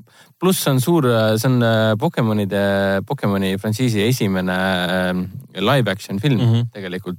ja see on lugu sellest, kuidas sul on suur Pokemonide ja inimeste linn, kus inimesed ja Pokemonid elavad harmoonias koos ja, ja siis äh, põhimõtteliselt Pikachu on üks esimestest, kes saab reaalselt rääkida ka äh, inimesega, ehk siis inimene saab äh, Pikachu. jah, inimene saab temast aru, täpselt. muidu, muidu on see kõik vastupidi, et meil on Pokemoni treenerid, kes muud ei tee, kui treenivad oma Pokemone, arendavad neid ja võit, käivad võitlusel. püüavad teisi poke, pokepallidega um,. aga mis mul, ma lugesin ühte artiklit ka, kus Ryan Reynolds andis mõista, et kuna selles filmis on hästi palju outtake'e ehk siis variante naljadest. see Deadpooli kohta oli tegelikult sama asi, vaata kui Deadpool linastus, siis oli seal lõpus olid need lisatseenid, kus näitas, et teatud naljakohad, kuidas nad katsetasid erinevat nalja. ja siis selles ähm, detektiiv Pikachu's on samad asjad. ja anti mõista, et osad neist olid nii ropud, et nendest saaks teha, sellest lastefilmist saaks teha R-rated versiooni, kus Ryan Reynolds ropendab äh, siis ähm,, või noh, mitte ropenda otseselt, aga kasutab lastefilmile sobimatut kõnepruuki siis äh, versiooni sellest. see oleks päris äge sest noh, Deadpoolist, eh, mis on R-rated film, tehti ka hiljuti ju siis see Once upon a time in Deadpool või mis see midagi laadset oli pealkiri. tehti lastesõbralik versioon, kus võeti roppuselt välja ja veri, veri välja. Samamoodi võiks teha lastefilmiga, sa teed sellest roppu versiooni. no tõenäosus, et see juhtub, on suht nullilähedane. miks? sest Pokemonid, sest Nintendo. Nintendo on... ajalooliselt alati olnud lastesõbralik. Nintendo on tegelikult üks kõige tänuväärsem asi, mis on inimkonna ajaloos juhtunud. sest kui sul on lapsed või sa ise oled äh, inimene, kes tahab ennast lõbustada asjadega, mis ei ole verine, vägivaldne, zombisid täis ja seksi ja mis iganes täis mm, -hmm. siis Nintendo pakutavad mängukonsoolid ja mängud on just need, see, mida hing vajab. absoluutselt um,. Netflixi jõuab sel nädalal Luciferi neljas hooaeg, kaheksandal mail see alustab uh, mina olen ootusärevusest äh, kollaseks või siis nii nagu Lucifer ise punaseks tõmbunud, ma kavatsen seda kohe vaatama hakata mõnes mõttes see on minu guilty pleasure seriaal täiesti. Äh, lisaks jõuab siis kümnendal mail äh, Wine County, mis on siis äh, päris mitmeid tuntud komöödianäitlejaid täis filmike, kus on lihtsalt seltskond vanemaid prouasid, kes lähevad noorust otsima veini juues. Lisaks Amazon Video Prime'is on näiteks olemas Once upon a time in Mexico, mis on muidugi Antonio Banderase ja kus on ka Johnny Depp tegelikult film järg ehk siis Desperadole. okei okay,, El Mariachi, Desperado. El Mariachi. El Mariachi, Desperado ja Once Upon a Time in Mexico, mis on siis äh, Robert Rodriguez'i äh,, hääldasin ma õigesti nüüd või? jah, Rodriguez'i äh,. Mehhiko triloogia kolmas osa. jah, täpselt äh,. ma olen, ma ei ole seda väga ammu näinud, aga märkasin, et see just sinna vist tuli, sest Amazon Video Prime'is see otsingusüsteem on endiselt kohutav, kohutav, kohutav. mul on kohutavalt raske leida sealt filme, mis on nagu vanemad või, või mida ma ei ole juba peale sattunud, see valik on tal suur, aga see lihtsalt ei tööta. lisaks. see film oli vägev, see Once upon a time in Mexico on väga crazy film. eriti see koht, kus äh, Johnny Deppil võetakse silmad äh, peast välja ja ta läheb mööda tänavaid vastastikku võitlema. jah, crazy. lihtsalt hämmastav. lisaks ma ei tea, kas Telia HBO-sse ma eile ei jõudnud kontrollida, ähm, on see juba jõudnud või mitte, ilmselt see mingil hetkel tuleb. Ma loodan vähemalt, on seriaal Chernobyl mis on siis esimesed, esimene episood on väljas juba USA-s. ma saaksin seda kontrollida, kas ta on olemas, aga mul ei ole Telia seda mm, minu, TV. minu TV äppi. muidu, muidu ma saaksin kontrollida. minu TV-s ei ole HBO-d niikuinii ju. HBO-d veel ei ole, see tuleb juunikuus. juunikuus, okei okay. äh,. igatahes Tšernobõli esimene seriaal on USA-s. Tšernobõl on ju HBO oma. okei ma olen oma. Tšernobõli esimene osa on juba USA-s väljas. esimesed arvustused on väljas, kõik kiidavad seda, et see on suurepärane miniseriaal, mis äh, Äh, Tšernobõli kaheksakümne, kaheksakümne kuuenda aasta tuumakatastroofi hoopis teise pilgu läbi, teadusliku pilgu läbi ja näitab, et kuidas, mis juhtub siis, kui teadlasi ei kuulata. Äh, kõik on, kriitikud on sillas sellest ja ma loodan, et mina olen ka varsti selles sillas, kui mul õnnestub seda kuidagipidi näha.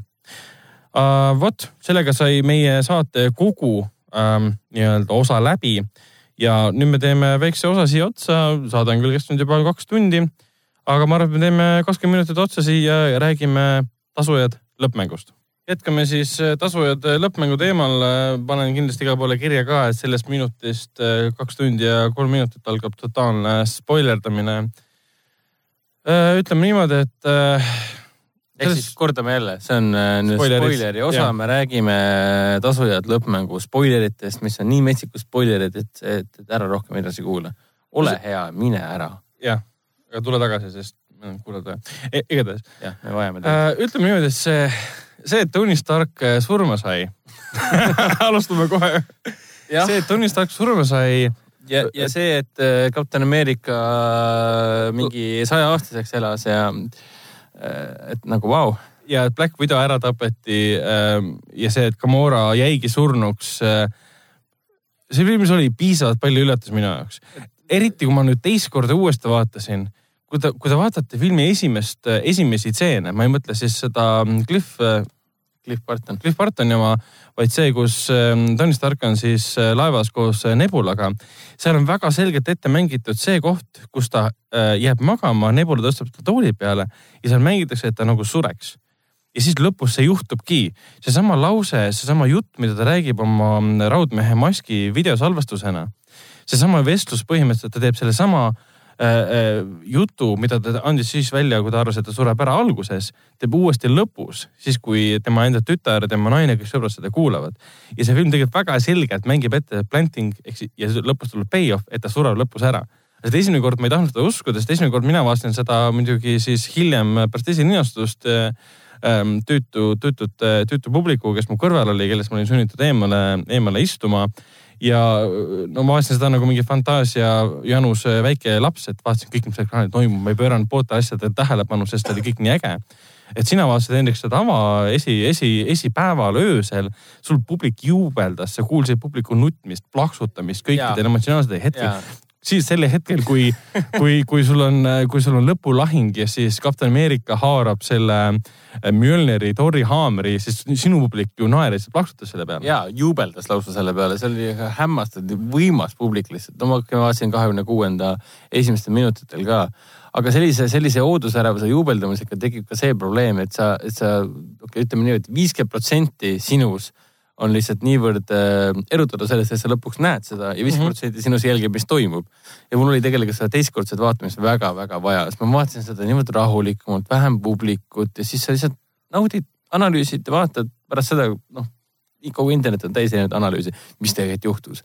ärgem unustame ka seda, et filmi keskmes on ajamasin on ajamasin. mis pole tegelikult üllatav, sest kohe, kui igavikusõda lõppes äh, ma olin nii palju nagu olen koomiksitest teadlik, et seal tehakse kogu aeg mingi ajarännet. ma olin täiesti veendunud juba algusest peale, et järgmises osas tuleb teemasse ajaränne. aga see, missuguse ajarändena siia filmi tegid, see mind üllatas. see, et nad kasutavad siis, ähm, kuna siis tegelikult Scott Lang ehk siis sipelgamees oli ju kogu selle aja äh,, igavikusündmuste aja olnud äh, kvantreaalsuses kinni. jah, ehk siis äh, tema äh, ämblik ämblikmees jah. sipelgamehe eelmise filmi lõpus. jah, sipelgamees ja vapsik, seal ta jäi lõksu sellepärast, et ähm, Hope ja siis ähm, ähm Hank Pym, Hank Pym kadusid ära Snapi tõttu ja sealt ta tuleb välja. aga kõige huvitavam selle filmi juures on see, et ta alustab sellega, et nad teevad esimese viieteist või siis kahekümne minuti jooksul, võtavad plaani vastu, otsivad Thaanose üles ja tapavad ta ära. no kohe alguses lihtsalt tapavad Thaanose, võtavad tal pea otsast ära ja see ei päästa mitte midagi, see tekitab lihtsalt tegelastele traumat. esiteks, me ei ole kunagi tegelikult nendes äh, Marveli filmides näinud päris mõrvu yeah.. kui nüüd aus olla, me oleme näinud lugematutel viisidel CGI olendite tapmist, et Thor on juba algusest, kuna Thor oli see, kes võttis äh, Thaanose pea maha. me oleme näinud teda esimeses äh, Thori filmis, ta tappis seal neid Bifrosti neid jääkoletisi ja igasuguseid muid asju, aga neid on, me oleme neid võtnud näotute olendit ja neid pole andnud häält ega nägu ega. olnud, aga nüüd on meil sõna otseses mõttes päris julmalt ja Thanos on karakter, tal on karakter arg, tal on kõik olemas. väga vinge tegelane, isegi Endgame'is on ta yeah. ääretult vinge tegelane. see, kuidas see Thorile mõjus, ta muutus ülekaaluliseks äh, ja andis. juudikuks, äh, süüdikuks yeah. ja põhimõtteliselt depressioonis. hakkas Fortnite'i mängima. eks on... siis äh, ütleme nii, et ma olen siiamaani väga üllatunud, millega Marvel hakkama sai. et kui, kas Tasu ja igavikusõda oli see, mida sa ootasid? No ma ootasin lahingut ja lahingu ma sain. jah, me tahtsime näha tasujaid versus Thanos ja me ja. saime selle. see esimene film, mis Marveli universum lõppes totaalse kaotusega. jah, mis oli ääretult vinge ja no ja, ja keegi meist muidugi, no mina vähemalt sinna ka vist ei, ei aimanud, millise, missuguse sisulise struktuuriga hakkab igavikusõda olema. see, et äh, meie põhikangelased äh, täiesti visatakse eraldatusse see, et meil enamik tegevused leiab aset üldse kosmoses ja siis on mm -hmm. Thaanose koduplaneedil Titanil ja siis on meil Wakanda sõda ja nii edasi mm. -hmm. et mhm. see, kuidas äh, tegelasi nüpeldatakse ja visatakse minema ja eemale nii-öelda, seda me ei oodanud. ja samamoodi on ka Endgame'iga, see on kolmetunnine film, see oli esimene üllatus mm. -hmm. ja lõpuks sa lähed vaatama ja siis sa avastad, et sa vaatad sa vaatad nagu kohati nagu vaatad tasujate draamat. Jah. ehk siis see film tegeleb väga-väga palju, esimene pool filmist ainult ühe asjaga. Ehk siis lein. lein, kuidas meie tegelased, põhitegelased, meil on äh, Must Lesk, meil on äh, Raudmees, meil on äh, Captain America. Captain America, meil on Hulk, meil on Sipelgamees. Hawkeye. Hawkeye, meil on äh, see äh, War Machine. Nebula. jah, Nebula. kuidas nad kõik ja muidugi see mm, Bradley Cooper ka äh, Rocket, Bradley Cooper jah. Bradley, kuidas need kõik tegelased hakkama saavad teadmisega, et nad ei saanudki midagi teha üldsegi see, et esimesed viisteist minutit, kui sa ütlesid, et see on sihuke tunne, et sa vaatasid pisikest filmi mm. -hmm. tegelased saavad teada, kus Thanos on, lähevad Thanose juurde kohe filmi alguses. pärast seda, kui me oleme näinud seda, kuidas Hawkeye perekond. üldse see algus, see algusstseen, film algab peal kohe stseeniga, ei ole algustiitrit, mitte midagi, kohe. ja me näeme, kuidas Hawkeye veedab aega lõbusalt oma perekonnaga ja siis nad kaovad ära. See oli jumala traagiline. Ja alles siis tuleb algustiitrite laadsed asjad peale. Jah, ja siis me liigume edasi eh, Tony Starki peale, näeme vist vahetult seda pärast eh, Infinity, Infinity War'i sündmusi, mis temaga toimub. kapten Marvel päästab ta ära, siis nad vaatavad üksteisele eh, otsa, see Civil War lööb jälle lõkkele. Tony Stark on ülimalt vihane kapten Ameerika peale. ja, ja, ja, ja seal kusjuures on näha ka seda, et vaata esimeses stseenis, kui ta on selles kosmoselaevas kinni veel, me ei näe tema füüsilist mõju, trauma füüsilist mõju, aga kui ta jõuab sinna siis tagasi Avengersite baasi, kus nad arutavad oma kaotust ja kõike seda, kuna mõned päevad on alles möödas, eh, siis silmnähtavalt on näha, et äh, ma ei tea nüüd, kas ta päriselt tegi seda või mitte või digitaalselt no, mugandatud ka. Äh, et Robert Downey Jr.'i välimus on kõhn, ta näeb haige välja. ja kui ta see päriselt kokku kukkus, mul ongi, ta näeb välja nagu habras äh, va vana mees põhimõtteliselt jah, täpselt ja, ja siis see, kuidas nad jõuavad äh, lõpuks lahenduseni, et okei okay,, Nebula on siin, Nebula teab, kus äh, Thanos on, lähme otsime Thanos ülesse. leiavad üles, Thanos koostab, ma hävitasin juba igavikukivid ära, te ei saa midagi teha. ja siis Thor lööb talle pea maha mm -hmm. ja on kõik. siis tuleb äh, lause viis aastat hiljem. viis aastat hiljem, see on see hetk, mis mingi, ma olin, ma olin nagu täiesti sillas, et ma lähen vaatan, ma vaatan üht maailma suurimat filmi mm -hmm. üks oodatumaid, suurimaid filme maailmas, sõna otseses mõttes ta on praeguse seisuga ongi üks maailma äh, raharikkamaid filme ja ometigi Marvel nägi kurja vaeva ja täiesti sada protsenti õnnestus ühe asjaga. no spoilers ses suhtes. jah, me ei teadnud midagi. sa läksid vaatama maailma suurimat filmi, sa pead õrna ajuga, mis seal toimub ja see, mis sul toimub esimese kahekümne minutiga et põhimõtteliselt sul on nagu lõpp, lõpp, esilinast oligi sihuke tunne, et Taunusel pea maha ja siis Thor astus sealt Taunuse Shreki majakesest välja mm., on ilmselt Shreki. kusjuures. puudu oli ainult see laul, vaata see. Somebody. keegi ei mäleta seda. ma ei mäleta seda laulu, aga väike side note jah, see oli täielik Shrek. no oli jah, korjas seal mingit taimi. oleksin tõenäoliselt rohkem, rohkem vaadanud, kuidas Thanos oma, oma idülli elab no,. aga, ja kui Thor oma sellest ähm, Shreki majakesest välja astus, tuli must pilt, siis mõtlesin, et okei okay,, kas nüüd tuleb The End või? et see on, kas see on maailma kõige lühem, kõige pikem film või? ja, ja siis meil jätkub äh, leinaperiood, me saame tuttavaks äh, kõikide meie armastatud tegelastega pärast seda, mis on kõik juhtunud ja, ja igasugune lootus äh, Äh, on kadunud, aga üks asi, mida nad teha ei saa, on edasi liikuda, nad ei saa leppida sellega, et see on, et see on lõplikult. ja kõige noh, parem võib-olla seda ideed nagu tugevdabki see, et ta ei keskendu ainult kangelastele. Ta kaudselt üritab näidata, et see mõjutab siiski kogu maailma, mitte ainult kangelasi. sest linna näidatakse sinise sünge paigana, pluss esimene, esimene tseen pärast seda Äh, viite, viieaastased teadet on sellisel nagu PTSD koosolekul, justkui on veteranid, kes on sõjast tulnud, räägivad kaotusest ja tegelikult nad räägivad sellest the snappening ust.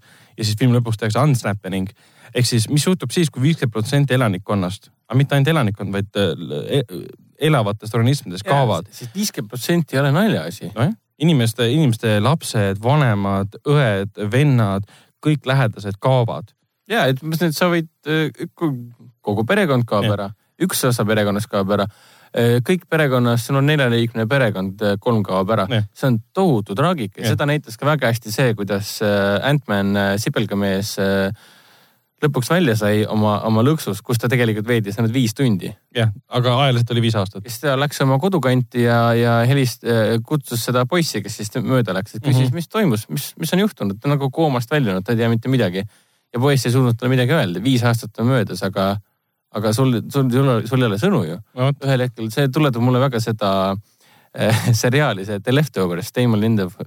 kus oli ka inimesed kadusid. seal oli kaks protsenti, kui ma nüüd ei eksi. kaks protsenti inimkonnast ühel päeval lihtsalt äh, mitte, mitte ei hõljunud minema ega haihtunud ära, vaid lihtsalt ühel hetkel neid ei olnud. väga Taanuse snäpilik nii-öelda ja seal see mõjutas juba hullult palju. nii et äh, nagu jumal tänatud tegelikult, et nad äh, võtsid selle julguse kätte ja tegelikult pingutasid selle nimel, et see nii-öelda Taanuse post-näpi draama oleks mm. uh, usutav, ta oleks ehe, ta oleks emotsionaalne. et enne seda, kui läheb action'iks, enne seda, kui tuleb uus lootus, uus plaan, ehk siis meil on ajamasin tänu uh, Sibelgamehele. et enne seda me oleme täiesti, teist korda vaadates ma nii nautisin seda mm., kõik seda Äh, sõja, nii-öelda, see oli põhimõtteliselt nagu sõjaveteranide äh, PTSD äh, kokkusaamine. tegelikult ei olnud see midagi muud kui seda, et me saame kokku ja, ja räägime sellest, et kuidas on elada. Kuidas keegi tegelikult ei suuda edasi liikuda yeah..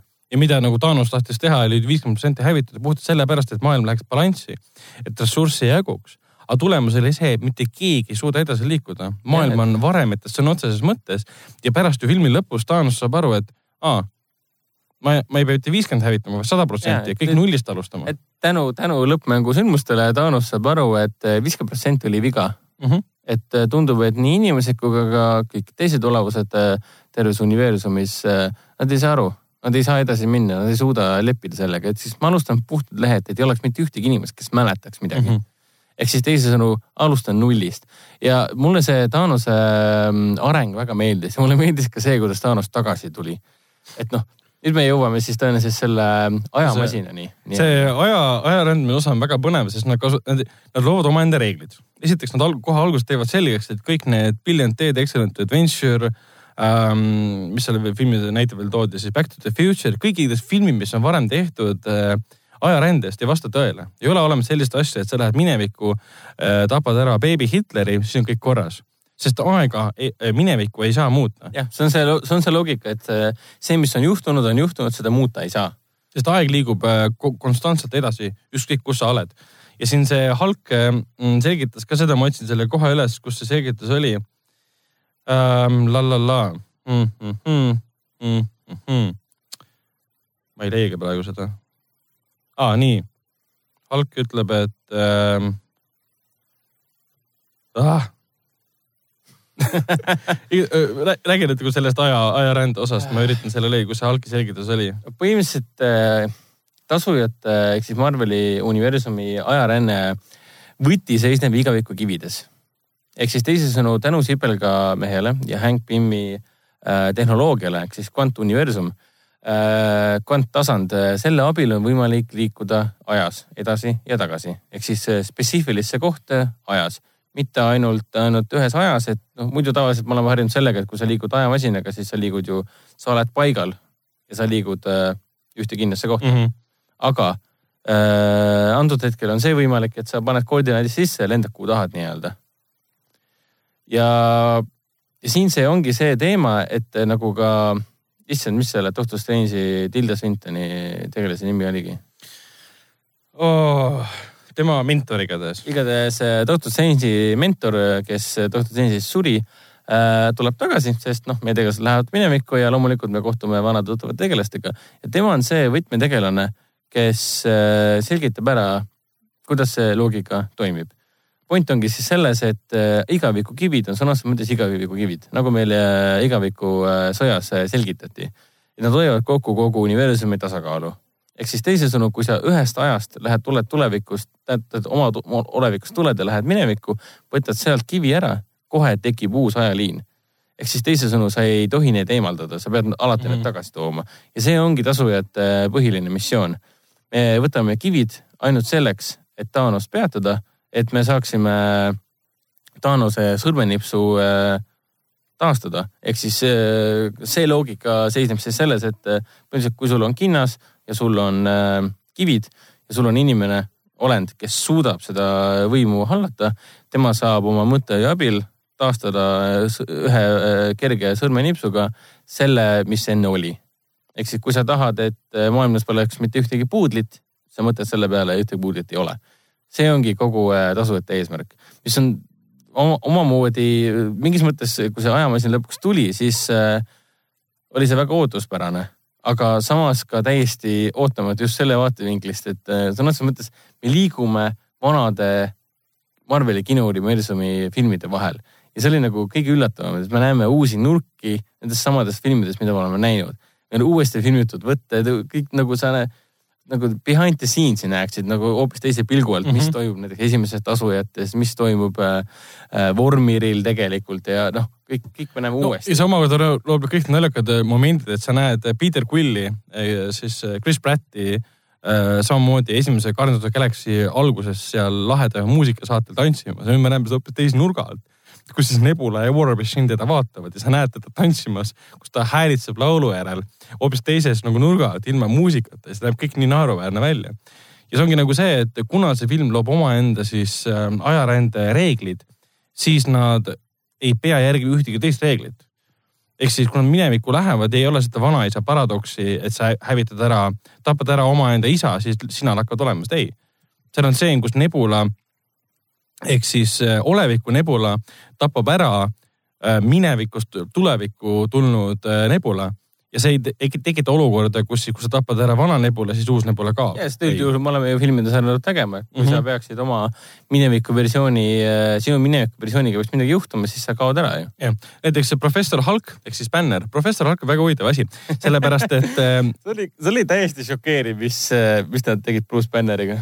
sest põhimõtteliselt ju Bruce Banner on nüüd siis professor Hulk, mis tähendab seda, et ta näeb välja nagu Hulk, aga tal on Mark Ruffalo nägu. ja ta on samasugune heatahtlik, südamlik tüüp ta tuleb isegi fännid tulevad juurde tahavad selfisid teha. eks, eks siis võib öelda seda, et äh, tänu Taanuse snapile, sõrmenipsule, leidis äh, Bruce Banner ja Hulk omavahel äh, tasakaalu ja temast sai professor Hulk. täpselt, isegi Chris Evans ehk siis Captain America ühel hetkel ütleb Black Widow'le, et kui ta sõitis üle silla, siis ta nägi seal vaalu jões. mida ei näe mitte kunagi. jah sellepärast, sellepärast, et rahvastikku, reostust ja loomi on nüüd vähem ja siis selle peale ütleb siis ähm, äh, Black Widow, et aa, kas sa näed siis positiivset sellest, mida Thanos tegi. aga mille peale Captain America vastab, et ah, vanad harjumused. jah, see on, sest ta on igavene optimist. aga kuidas Bänne selgitas, on see, et sa ei saa lihtsalt minna ajas tagasi, et muusta, muuta ajalugu, et su tulevik muutuks. me oleme harjunud sellega, kui sa lähed ajalukku, minevikku, sa muudad tulevikku. sellepärast, et kui sa lähed äh,, äh, sellepärast, et sinu tulevik on juba sinu minevik. oota ja sa ei saa muuta tulevikku, sellepärast kui sa muudaksid, sa ei oleks enam sama versioon iseendast, kui sa läheksid tagasi sinna, kust sa tulid. ma tean, see kõlab kõik väga keeruliselt. aga mulle, mulle see, mulle see osa meeldis, sest see on miski, mille saab, mille peale saab pärast mõelda, et kas siis tekivad erinevad ajaliinid. me teame, et Loki, eh, kuna esiteks ma mainin selle ära, kuna ma vaatasin kahe eh, esimese ja teise korra vaatamise vahel, vaatasin ära tasujad esimese osa uuesti. siis minu jaoks on jumala põnev jälle näha seda, et kuna film läheb sellesse hetke, kui nad võitlevad seal Chitauride armeega, eh, Loki esile kutsutud siis eh, Thaanose armeega põhimõtteliselt esimeses tasujates, siis me näeme Loki kinnivõtmist, mida me filmis nägime, aga nüüd me näeme seda teise nurga alt. me näeme seda, kuidas nad viivad siis äh, Shieldi töötajatele selle mm, Tesseracti, mis on siis tegelikult siis Infinity Stone eh, ja tahavad Loki temale üle anda põhimõtteliselt. me näeme neid tegelaskujusid, keda me teame, et nad on Hydra eh, salaagendid tegelikult. Yeah.. me teame, et Shield tänu siis Captain America eh, talvesõdala sündmustel me teame, et Shield on tegelikult Hydra, Hydra poolt üle võetud, selle vana organisatsiooni poolt, fašistliku organisatsiooni poolt, mille, mille vastu võitles siis ka Captain America ja seal on ka koht, kus siis äh, Captain America astub lifti nende samade tegelastega, kellega ta võitles põhimõtteliselt äh, äh talvesõdal seal eepilises lifti tseenis. ja, ja, ja see näeb, nagu taas luuakse sinna. ja täpselt, täpselt ja seal ta nagu tahab siis selle äh, saua, mida siis Loki kasutas tasudes äh, endale võtta ja kasutab siis seda lauset, ütleb Hail Hydra, andes mõista, et mina olen ka Hydra liige. sest sellel hetkel veel keegi Hydrast midagi ei teadnud. Ja, ja see oli otsene, otsene. Need Shieldi töötajad ja kõik ülemused, Robert Redford ja. ja nii edasi see Armin Zola on seal ja. ju see oma teadvuse arvutitesse üles pannud ja nii edasi. et nemad olid täiesti kinni, et keegi midagi ei tea, see tuleb alles äh, kapten Winter Soldieris välja, aga nüüd ta ütleb, et Hail Hydra. vahepeal sai ju totaalseks meemiks ju tänu sellele sest viitesõidu sündmustele. jah, täpselt, sest koomiksites ühel hetkel Captain Amerikast saabki, Captain Amerikast saabki Hydra liige, kuna talle tehakse ajupesu ja ta arvab, et on Hydra poolt värvatud. aga kuna nad lähevad jah, siis time heist'i tegema, mis on ideaalne asi, mida teha sellises filmis, siis ongi see, et äh, kuna esimene, üks variant time heist'ist ebaõnnestub, nad üritavad Loki käest, mitte Loki, vaid siis selle Tesseracti ära varastada. aga seal äh, vihane Hulk, kellele ei meeldi trepist alla kõndida, vihastab liiga palju ja siis põhimõtteliselt nad ei, mitte Tesseracti ei saa kätte, vaid see jõuab Loki kätte ja Loki põgeneb ära ehk siis, kui tasujate lõpus Loki läks koos Thoriga Asgardi tagasi, siis seda enam ei juhtu ja tekkiski eraldi ajaliin.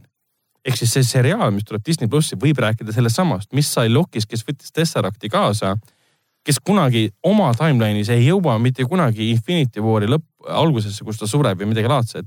ta ei jõua Thor the Dark World'i, mitte midagi ta ei jõua. aga samas, kui äh, aga see ei välista. ja, ja, aga tegelikult on, vaata point peaks, äh, äh, see, mida professor Hulk ütles, et sündmused juhtuvad ikkagi nii, nagu nad on juhtunud ühel teisel viisil.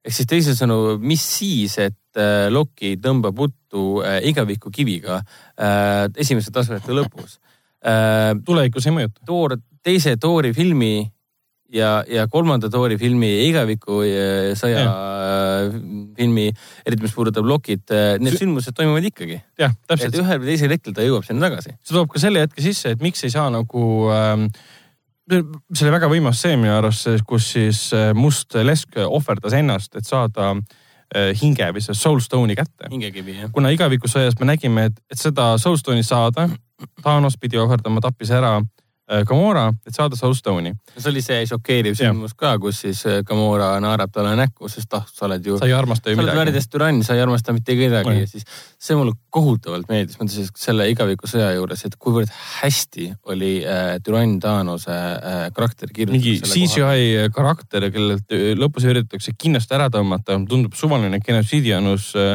tüüp muutus Infinity War'i kõige huvitavamaks karakteriks. ja, ja ta, tema karakteri, väga põnev karakteri areng jätkus ka siinsamas äh, äh, lõppmängus. vot ja siis Black Widow ja siis Hawkeye lähevadki sinnasamasse äh, Vormiri planeedile, kus nad peavad ka Soulstone'i kätte saama, kus muidugi ilmub välja siis esimeses, esimeses Captain America filmis Hugo Weavingu poolt kehastatud, nüüd ta annab talle hääle üks teine tegelaskuju ähm,. näitleja. mis ta on siis, näitleja täpselt, mis ta on siis mis ta nimi oli, ma ei mäleta, igatahes saadik sellel planeedil, kes juhendab, mida sa tegema pead. tal on mingi ametlik nimi ka, aga jumal kõik. ja kuna siis äh, Hawkeye ja Black Widow on nii palju kaotanud, siis mõlemad hakkavad põhimõtteliselt võitlema selle nimel, kes saab teha enesetapu, kes saab teha ohverduse. lõpuks teeb seda siis Black Widow ja see oli ka minu arust väga kurb hetk, kuna võib-olla esialgu mitte, kui ma arvasin, et on võimalik, et nad saavad ju ajas tagasi minna. aga ei saa. sa võid ajas tagasi minna ja Soulstone'i tagasi panna, aga see ei too tagasi Äh, Black Widow't, sest ta on juba, see on ära juhtunud, see ja, aeg liigub ja. edasi. ja see, sa võid minna ajas tagasi ja peatada äh, Black Widow eneseohverduse, aga see tekitab uue timeline'i. sest siis sa ei saa, siis sa ei saa tagasi panna Soulstone'i. ehk siis selles mõttes seda kõige paremini selgitab see, mis juhtus filmi lõpus äh, pärast Tony Starki surma. Ah, spoiler ah,. Spoiler, kus siis äh,, me oleme mingi pool tundi rääkinud kus siis ähm, kapten Ameerika läheb äh, tagasi, sest ta lubasid ähm, sellele ähm, doktor Strange'i ähm, mentorile, Tilda Swintonile, et nad lähevad ajas tagasi, panevad kõik kivid tagasi. ja ta lähebki seda tegema. seal on hetk, kus siis äh, professor Hulk äh,, mulle tore, nii meeldib, et ta jäi lõpus, lõpuni välja professor Hulkiks.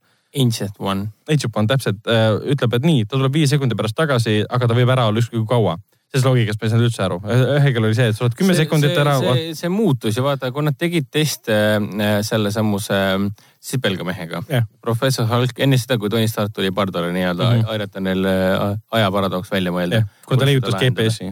jah, no literaali GPS-i.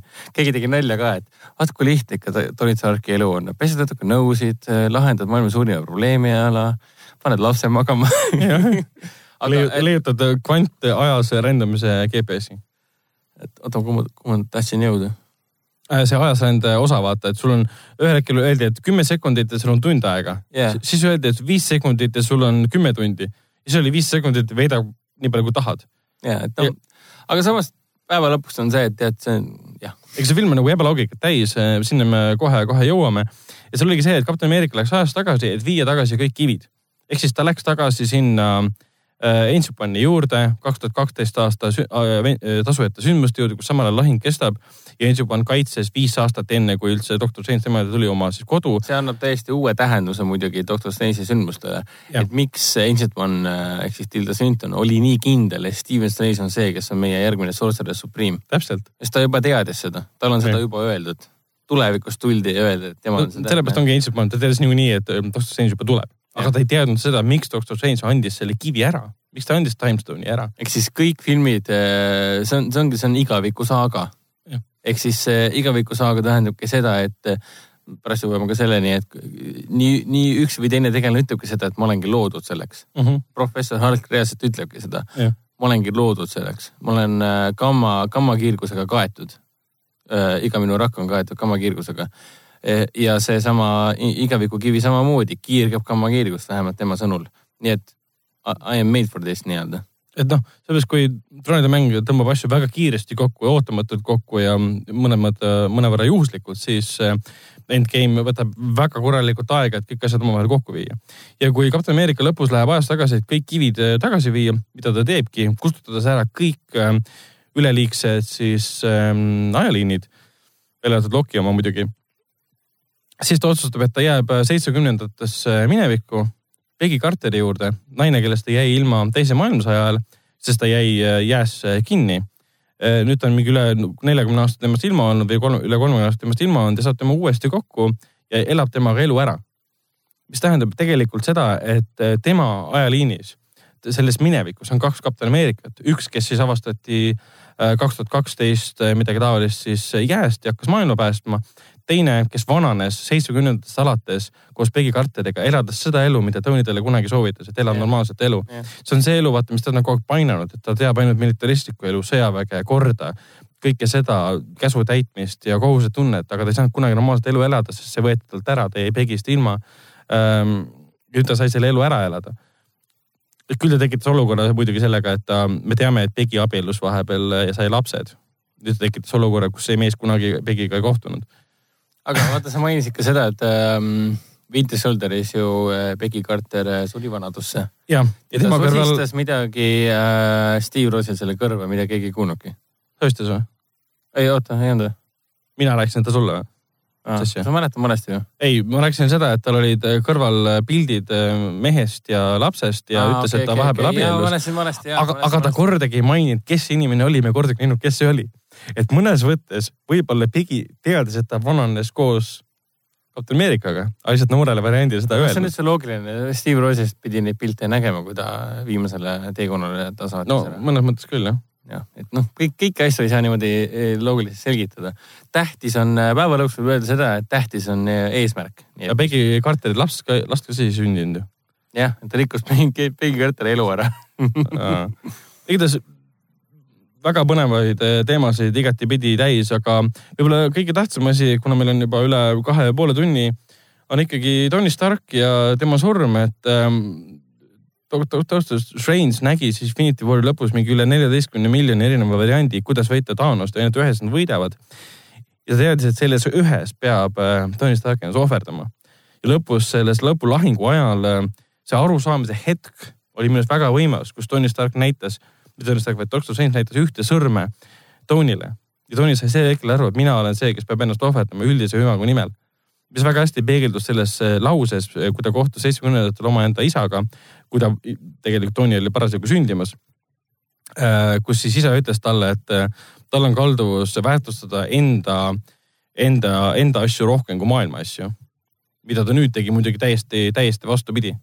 mis oli väga liigutav, mina esimesel korral, ma seda vaatasin, muutusin koheselt väga emotsionaalseks, mul oleks, saal oleks tühinenud, siis ma oleks võib-olla päriselt nutnud, aga praegu lihtsalt see, mul oli rinnast pitsitus ja kõik see. ja nüüd teinekord ma vaatasin, me kuulsime ülemas, ülevas reas, teinekord mul sellest hetkest, kui ta suri, emotsionaalselt sihukest purset ei tekkinud. küll tekkis matuse hetkeks, tuli see Alan Silvestri suurepärane muusika peale. aga teinekord, kui me vaatasime, siis saalis me kuulsime, kuidas inimesed nutsid muusika oli tõesti super. jah, jah, see on see lugu nimega The Real Hero, mida soovitan kuulata, kui tahate meelde tuletada seda hetke ähm,.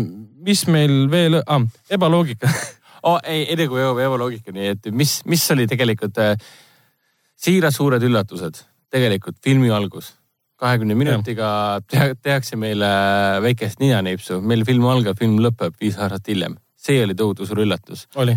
ajamasin, kas ta oli üllatus? Tegelikult mitte. aga kuidas see töötas, see oli üllatus? kuidas see töötas just tänu sipelgamehele, see oli üllatus. Black see... Widow surm oli üllatus. Black Widow surm oli pigem üllatus, kogu see protsess, mismoodi see nii-öelda, meil on lihtsalt Hawkeye versus Black Widow jah, jah. Nad võistlevad selle nimel, kes saaks Eneka teha. nii et see on omaette, see on ääretult traagiline ja emotsionaalselt väga õiges kohas, süda on väga õiges kohas. siis me oleme tiim. tasujad ei ole midagi muud kui tiim erilisi inimesi, olendeid. põhimõtteliselt see film ise oli callback the movie, sest peategelased call olid. mõnes mõttes või spoiler the movie, peategelased olid kõik needsamad tasujad. okei okay,, seal oli mõned veel, Nebula ja, ja Rocket aga olid needsamad tasud, kes olid esimeses tasuta filmis ja see oli nii õige otsus minna minevikku tagasi esimesse tasuta filmi, kus me näeme sama filmi sündmuseid. kui igavikusõda oli, meil oli põhimõtteliselt kõik äh, tasujad äh, olid koos, kõik tasujad, kõik mittetasujad olid koos, me tutvusime, meil oli fun, äh, väga lõbus oli vaadata seda igavikusõjas, kuidas Galactica valvurid lõpuks kohtusid mm -hmm. tasujate tegelastega. aga nüüd lõppmäng, kuna ta on Marveli kinouniversumi kolmanda faasi nii-öelda lõppmäng. ta on äh, tasu, tasujate saaga, sorry, igaviku saaga, Infinity saaga nii-öelda lõppmäng. Ta on, väga mitmes mõttes lõppmäng. et see on igatipidi loogiline, et me lähme tagasi esimese tasujate mm -hmm. juurde. me võtame need põhitegelased, meil on Captain America, meil on Raudmees, meil on Hulk, meil on äh, Must Lesk, meil on äh, Hawkeye. kes veel puudu on? äh,. Hulki sa mainisid. Hawkeye'd sa mainisid. Captain America mainisid ka, ei, tundub, et on olemas jah. Ah, Thor jäi mainimata ah,. et nad kõik said oma, oma, oma kaared, oma tegelaste arengukaared lõpetati ära, aga erilist rõhku pandi just nimelt äh, kahele alustalale. ehk siis Raudmees ja Captain America ehk siis need kaks eh, tegelast, kellest see kõik sai alguse, millest Sest, kõik hakkas liikuma. no mitte päris alguse, aga lihtsalt ma arvan, et Marvelile endalegi ootamatult kujunes ju Captain America tänu mitte esimese Captain America filmile, vaid teisele, kus siis Joe ja Anthony Russo, kes siis Infinity War'i Endgame'i lavastasid, esimest korda debuteerisid MCU universumis, tegid siis ähm, äh, talvesõdalase ja siis hiljem Civil War'i, osutus megapopulaarseks nii näitlejaks kui ka karakteriks. ehk siis nemad on jah selle seeria põhitegelased. ja, et kui enne oli veel tunne, et eh, issand jumal, mul on Captain America nimeline tegelane ja ma vaatan temast filmi või. siis tuli talvesõdalane ja kodusõda ja vaatasid, et jaa, raisk, muidugi vaatan mm, -hmm. see on jumala äge spionaažitriller ja -hmm. muidugi ma vaatan, spionaažimärul põhimõtteliselt mm. -hmm aga kõik algas Raudmehega, kõik lõpeb Raudmehega. aga võibki öelda, et neid tegelasi me rohkem ei näegi, sest üks muudeti vanaks, kuna ta elas oma elu ära ja teine on surnud. jah täpselt, aga nii see, nii, nii elu ongi. ühel hetkel kõik head asjad lõpevad. kuigi siin no see värskes selles ähm, ämblikmees kodus kaugel treileris vihjati, et Thanos snappening tekitas siis ähm, alternate timeline'id äh, vähemalt treiler seda väidab, kas see kõik tõele vastab? Mysteria vist rääkis seda. jah, Jake Gyllenhaal äh, kehastab ühte ämblikmehe universumi tuntumat tegelast äh, Mysteriat, kellel on siis koos Nick Fury ja Maria Hilliga hädasti ämblikmehe abi vaja sest äh, mingid äh, suuremat sorti jõud on hakanud ringi roomama just nimelt äh, meie, meie tasujate universumis ehk siis post äh, pärast äh, lõppmängu sündmusi mm. -hmm. ehk siis äh, Mysteerium väidab, et ta on, tuleb äh, enda universumist ehk siis äh, järsku on loodud äh, multiversumi teooria kas ka läbi multiversumi teooria hakkavad ka X-mehed eksisteerima Marveli kinouniversumis? täitsa võimalik. sest nüüd, kui Dark Phoenix linastub kinodes ära, täna kaks tuhat üheksateist on tõesti lõppude aasta, sest tasujad lõpp, lõppmäng lõpetab mõttes ära tasujate senise universumi või üldse ju sellise, mida me tunneme universumina siis, kuna uued filmid hakkavad peale. troonide mängija tegelikult saab läbi ka siis, okei okay,, Star Wars saab ka läbi, aga saab läbi siis ka äh, X-mehed. sest äh, Dark Phoenix on viimane Foxi versioon X-meestest, mis sai kaks tuhat alguse. üheksateist aastat kestnud Foxi, Foxi X-meeste seeria saab läbi. ja pärast seda me saame näha ainult MCU filme, kus siis ühendatakse kõik X-mehed uute näitlejatega tõenäoliselt. ja me siis... elame väga ilgelt põneval ajastul, et näha, kuidas äh, meie praegused ja tulevased tasujad äh, hakkavad seostuma X-meestega. X-meestega, kuidas neid üldse kokku viiakse. et noh, Loganit ei kehasta enam Hugh Jackman ja, ja, ja Jennifer Lawrence ei kehasta enam Mystique'i ja James McAvoy ilmselt ja Michael Fassbender lähevad ka nendes rollides minema tõenäoliselt. Jah, täpselt, aga räägime veidi lõpus ka. Äh, selles mõttes, et see ähm, endgame'i lõpp mm. -hmm. Nad, see on huvitav on mõelda, et äh, siin filmis toimus kokku äh, kolm sõrmenipsutust. ei, oota. kaks? neli, neli sõrmenipsutust. oota, mis asja? esimene toimus siis, kui äh, Aa. kui põhimõtteliselt, see ei pruukinud see sõrmenipsutus olla, kui Thanos kivid ära hävitas. et võtame selle. ei, on küll. ikkagi oli jah? Kui sa teed sõrmenipsutuse, siis sa ütled seda, mida sa soovid. ja soovis hävitada neid. esimene sõrmenips, sõrmenips selle Gauntletiga koos kividega oli siis äh, Thanos enda poolt, et hävitati ära. teine sõrmenips oli mis? siis, siis kui said. Äh, professor Hulk sai Gauntleti kätte, et ja, kõik tagasi tuua. ja ta tegigi seda, see oli kusjuures väga lahedalt lava, lavastatud stseen. ta samal hetkel, kui tema teeb snappi, et kõik tulevad tagasi mm. -hmm. samal hetkel tuleb minevikust äh, tänu äh, tulevikku, äh, olevikku infeteerunud nebulale, tuleb tulevikust, tuleb portaali. tuleb läbi mineviku portaali ajamasina, tuleb Thanos oma sõjalaevaga. tuleb mineviku Thanos tulevikku, sest ta teab, et tulevikus on tasujatel kõik Infinity content käes ja, ja kivid käes ja ta ei pea neid enam otsima. siis tuleb see ilus väike arglik armas stseen, kus siis sipelgamees vaatab aknast välja, vaatab, et seal on kaks lindu, kes lendavad puu ümber ja see on see, et neid on kaks. viiskümmend pluss viiskümmend on sada, ehk siis tervik on kokku pandud jälle. ja siis vaatab Valka lakke ja näeb läbi akna, kuidas laev on kohal ja tulistab sinna. mulle see, mulle, mulle see, et kohe jõuame ka kolmanda ja neljanda ja äh, sõrmenipsuni, aga mulle see lahendus väga meeldis, mismoodi nad Taose tagasi tõid. et kõik sai alguse tänu Nebulale, et Nebula ja. oli võtmeisik, miks Thanos üldse no, midagi teada sai. kuna Nebula on android, siis kui kaks Nebulat viibisid samas äh, ajas siis nende salvestused ühildusid põhimõtteliselt ja Thanos sai teada, et aa, nad on siin, mul õnnestus see kõik. ta sai kogu nende plaani teada, sai teada, et ta viis oma saatuse täide, nüüd on vaja selle eest hoolitseda, et keegi seda rikkuda ei saaks. aga oi näed, tasujad va, va tumbod võtavad kätte ja panevad mulle content'i juba kokku mm. -hmm. väga lihtne, ma lähen tulevikku, võtan content'i, teen viiskümmend protsenti. aga mis oli kolmas snap? kolmas oli siis ähm, Tony Starki oma. ei kolmas snap oli see äh, fake snap, siis Aa, kui ta, Thanos ei saanud veel aru, et äh, kivid on ära võetud. mul on kivid ära võetud yeah. ja kolmas snap, snap oli siis äh, I am Iron Man snap. see oli neljas siis? neljas siis jah ja. tegelikult kokku on siis kahe filmi peale viis. jah ja., viis snappi kokku. aga see viimane snap, kui ta võttis selle ära, ta teadis, et Tony Stark peab ennast ohverdama, vaatab talle otsa, ütleb I am, siis paus, Iron Man ja teeb snap'i. mul oli ka siuke tunne, et jumal, andke, andke, andke Downey Jr.'ile selle rolli eest Oscarisse. vabalt, no. ta oli, ta oli nii veenev, ta oli nii, no see on fännide jutt muidugi ka, ma olen ka fänn tegelikult jah, aga see moment, kus ta vaatab Thanose poole, et I am Iron Man ja ta teeb sinna jõulise kuidagi emotsionaalse liigutusega mm. selle ja tema surmatseen ka, mis sellele järgnes, see, kuidas ta on niivõrd tardunud, ta on abitu ja ta on põhimõtteliselt kohe-kohe minemas ja see oli, see mõjus väga julmalt, et ta lõpuks ta langes. Äh, ta ehitas endale raudrüü enda ümber ja tahtis ehitada ka ümber kogu, kogu maakera. ja ainult selleks, et kaitsta meid ja lõpuks ta tegigi seda. jah, tema oligi see raudrüü ümber maakera. jah, täpselt, et raudmees oli, oligi see, mida ta alati teha tahtis, ta ei, lihtsalt ei taibanud seda kohe. et ta peab eneseohverduse tegema. Äh, seda ka, aga vaata Ultronis ta tahtis teha raudvõrgustiku, võrgustiku nii-öelda ümber maakera, et midagi läbi tuleks. mis tekitas ultroni. mis tekitas ultroni, aga, aga lõpp nagu lõppmäng ütleb seda, et aga kallis raudmees, sa oledki meie raud. sa oledki meie kaitsekilp ja seda, see nagu juhtuski. see toimis, see toimis tõesti hästi ja see surmatseen ja kõik, mis Steve Rossisse puudutab ja see lõpulahing. halleluuja, äh, see on, võib-olla hakkame siis liikuma vaikselt nüüd kriitikasse või? Äh, okei okay,, räägime viis minti veel siis räägime kriitikast, väga heast filmist räägime kriitikast. lõpulahingu osas küll jah, et äh, Captain America sai peksa. see oli see, jälle see hetk, ma väga lootsin, et ta ei ütle seda lauset õnneks ta ei öelnud ka seda, et ma võin seda iga päev teha.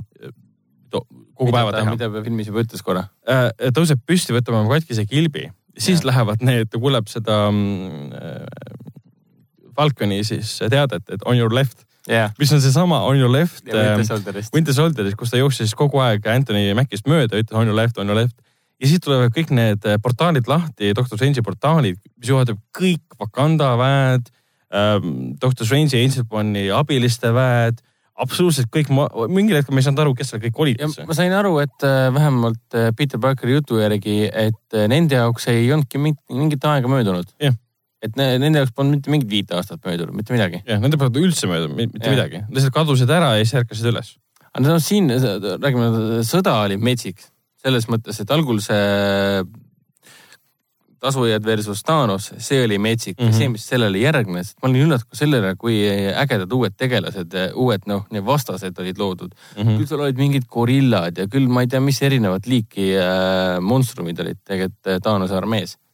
ja, ja siis see läks õige lahing käest ära täiesti, see äh, ühel hetkel seda oli arusaadav, tegid selle lahingu ähm, keskpunktiks, tegid ikkagi ainult selle, et erinevad tegelased püüavad selle äh, Infinity Gauntlet enda kätte ja põgenevad sellega mööda siis uh.... ei, see oli kõik, tähendab minu jaoks ei läinud, sa, mõtled nagu negatiivses mõttes. ei, ei, see meelega muudeti fookuspunktiks, et oleks, oleks mida jälgida. see, see, see niisugune kullimäng, see oli niisugune mm, teate, teatepulgaga ringi jooksmine mm., see oli mm. metsikult äge lihtsalt. ühel mõttes muidugi, muidugi totaalseks nagu fanservice'is, et kui sa pandi kõik naistegelased korraga ka, tõesti juhuslikult me kiitsime praegu selle lõpulahingu ära, siis mulle teist korda vaadates mulle kohutavalt meeldis, aga nüüd räägime sellest kriitikast, et äh, mis puudutab logistikat, äh, siis ma ei, ei saa täpselt aru, kuidas üks asi äh, juhtus.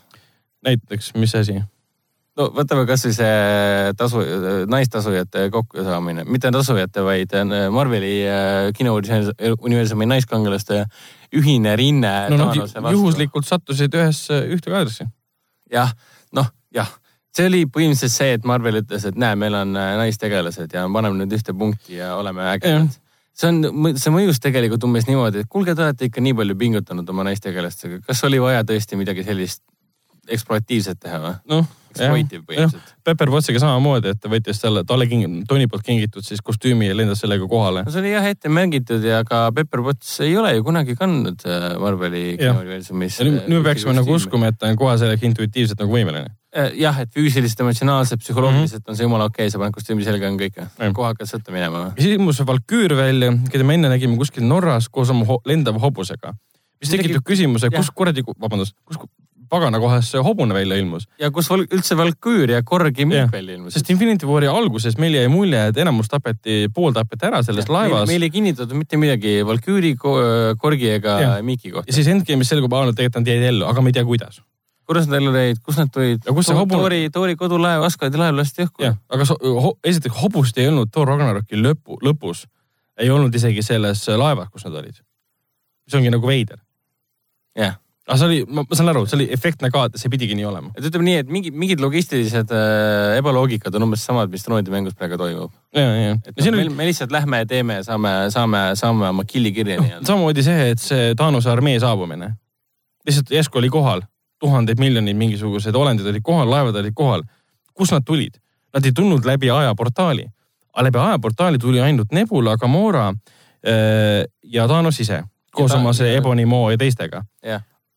aga kas ta siis, Thanos no, andis. ülejäänud kutsuti siis signaaliga kohale, raadiosignaaliga. Need kutsuti kohale, kes arvasid, et Thanos on surnud. aga jah, aga okay., aga see, see häirib mind ainult sellepärast, see on väga üks kindel väga põhjus, mida meile ei näidata ja järsku ilmub välja, on meie jaoks ebaloogiline. kust ta järsku välja ilmus mm? -hmm. aga, aga samas, kui meile näidatakse, et samal ajal midagi tuleb välja, siis on väga loogiline. et samas nad hoidsid lihtsalt aega kokku, muidu oleks me vaadanud siin kolm nelikümmend viis filmi. ja mina oleks siis pikemalt filmi vaadanud. no teine probleem näiteks oli see Nebulaga. see oli väga äge, minu arust Nebula on üks filmi parimaid, parima nagu karakterikaarega tegelasi see, kuidas tema inimlikkus tõuseb ja langeb ja kõik see, et milline ta oli minevikus, milline ta on nüüd tulevikus täiesti. see on kõik väga võimas. aga mõtle nüüd selle peale, kui nad saabusid kõik minevikust tagasi olevikku. esimene asi, mida nad tegid, oli see, et küsisid äh, Clinti käest, et kuule, kus on, äh, kus on Black Widow?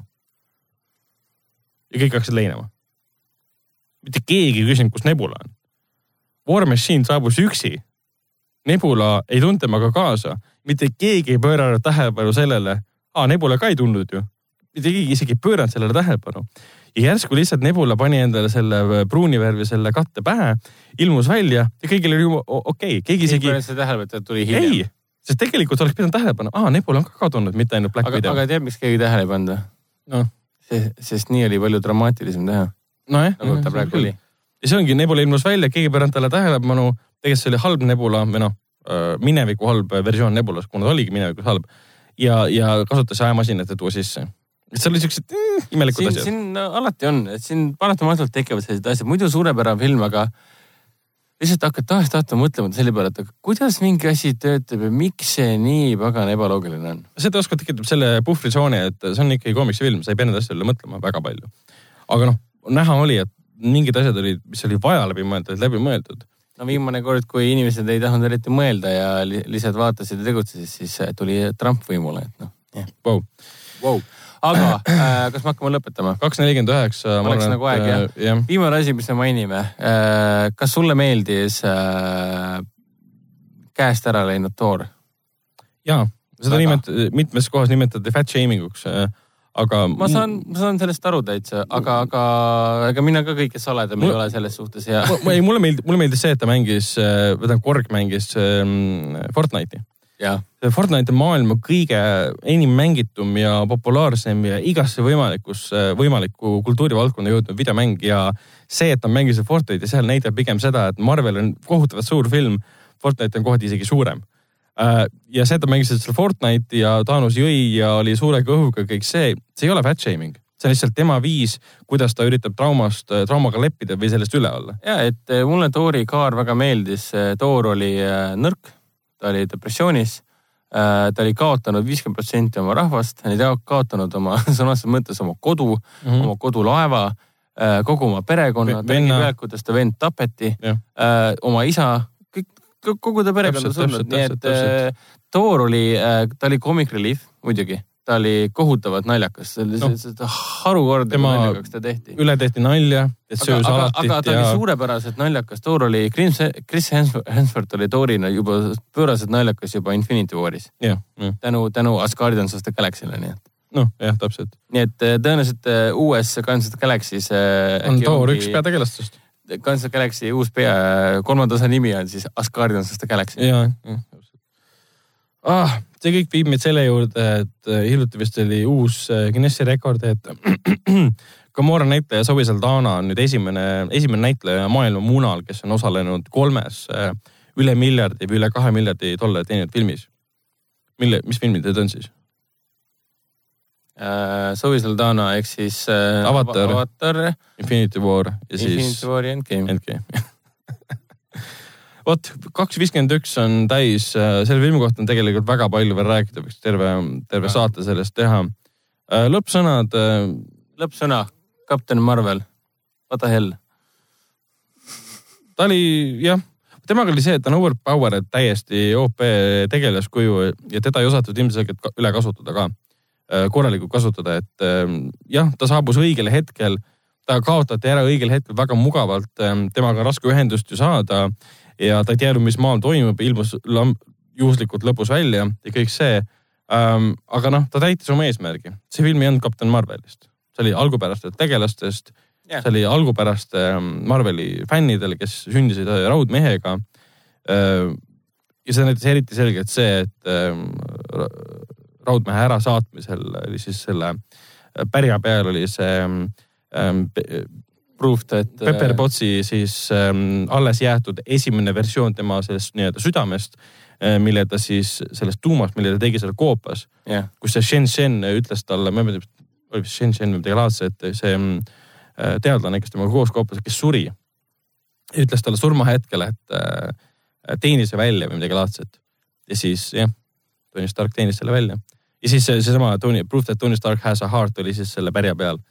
et see on siuke mm, võimas callback. et ütleme nii, et kui igasugune emotsioon äh, on tugevam kui mis tahes äh, terav kriitika antud filmi puhul, siis äh, ma olen väga okei okay sellega Nojah. viimasel ajal ma olen ka aru saanud, et ma hindan filme äh, rohkem emotsiooni põhjal, et mis tunded need minus tekitavad.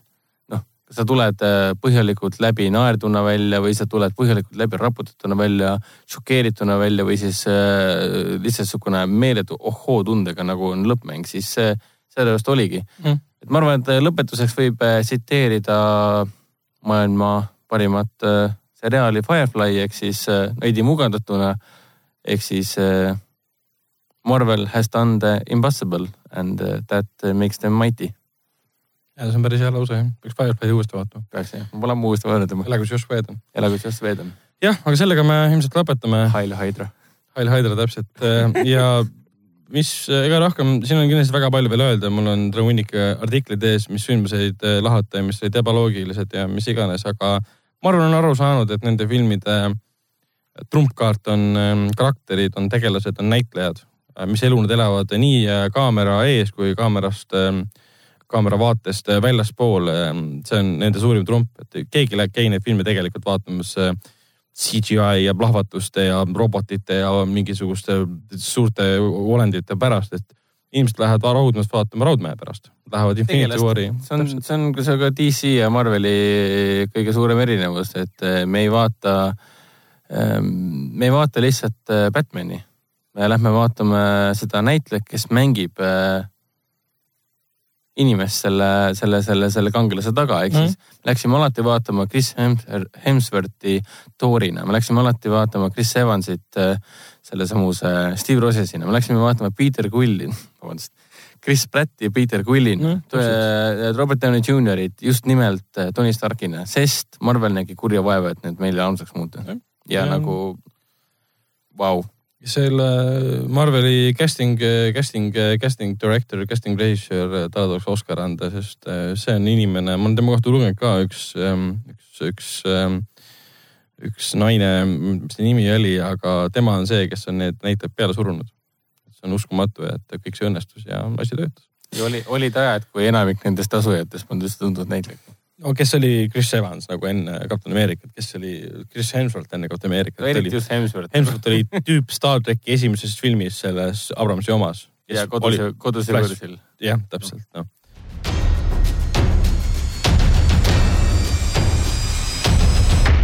kinoveebi Jututuba podcasti tõi teieni Foorum Cinemas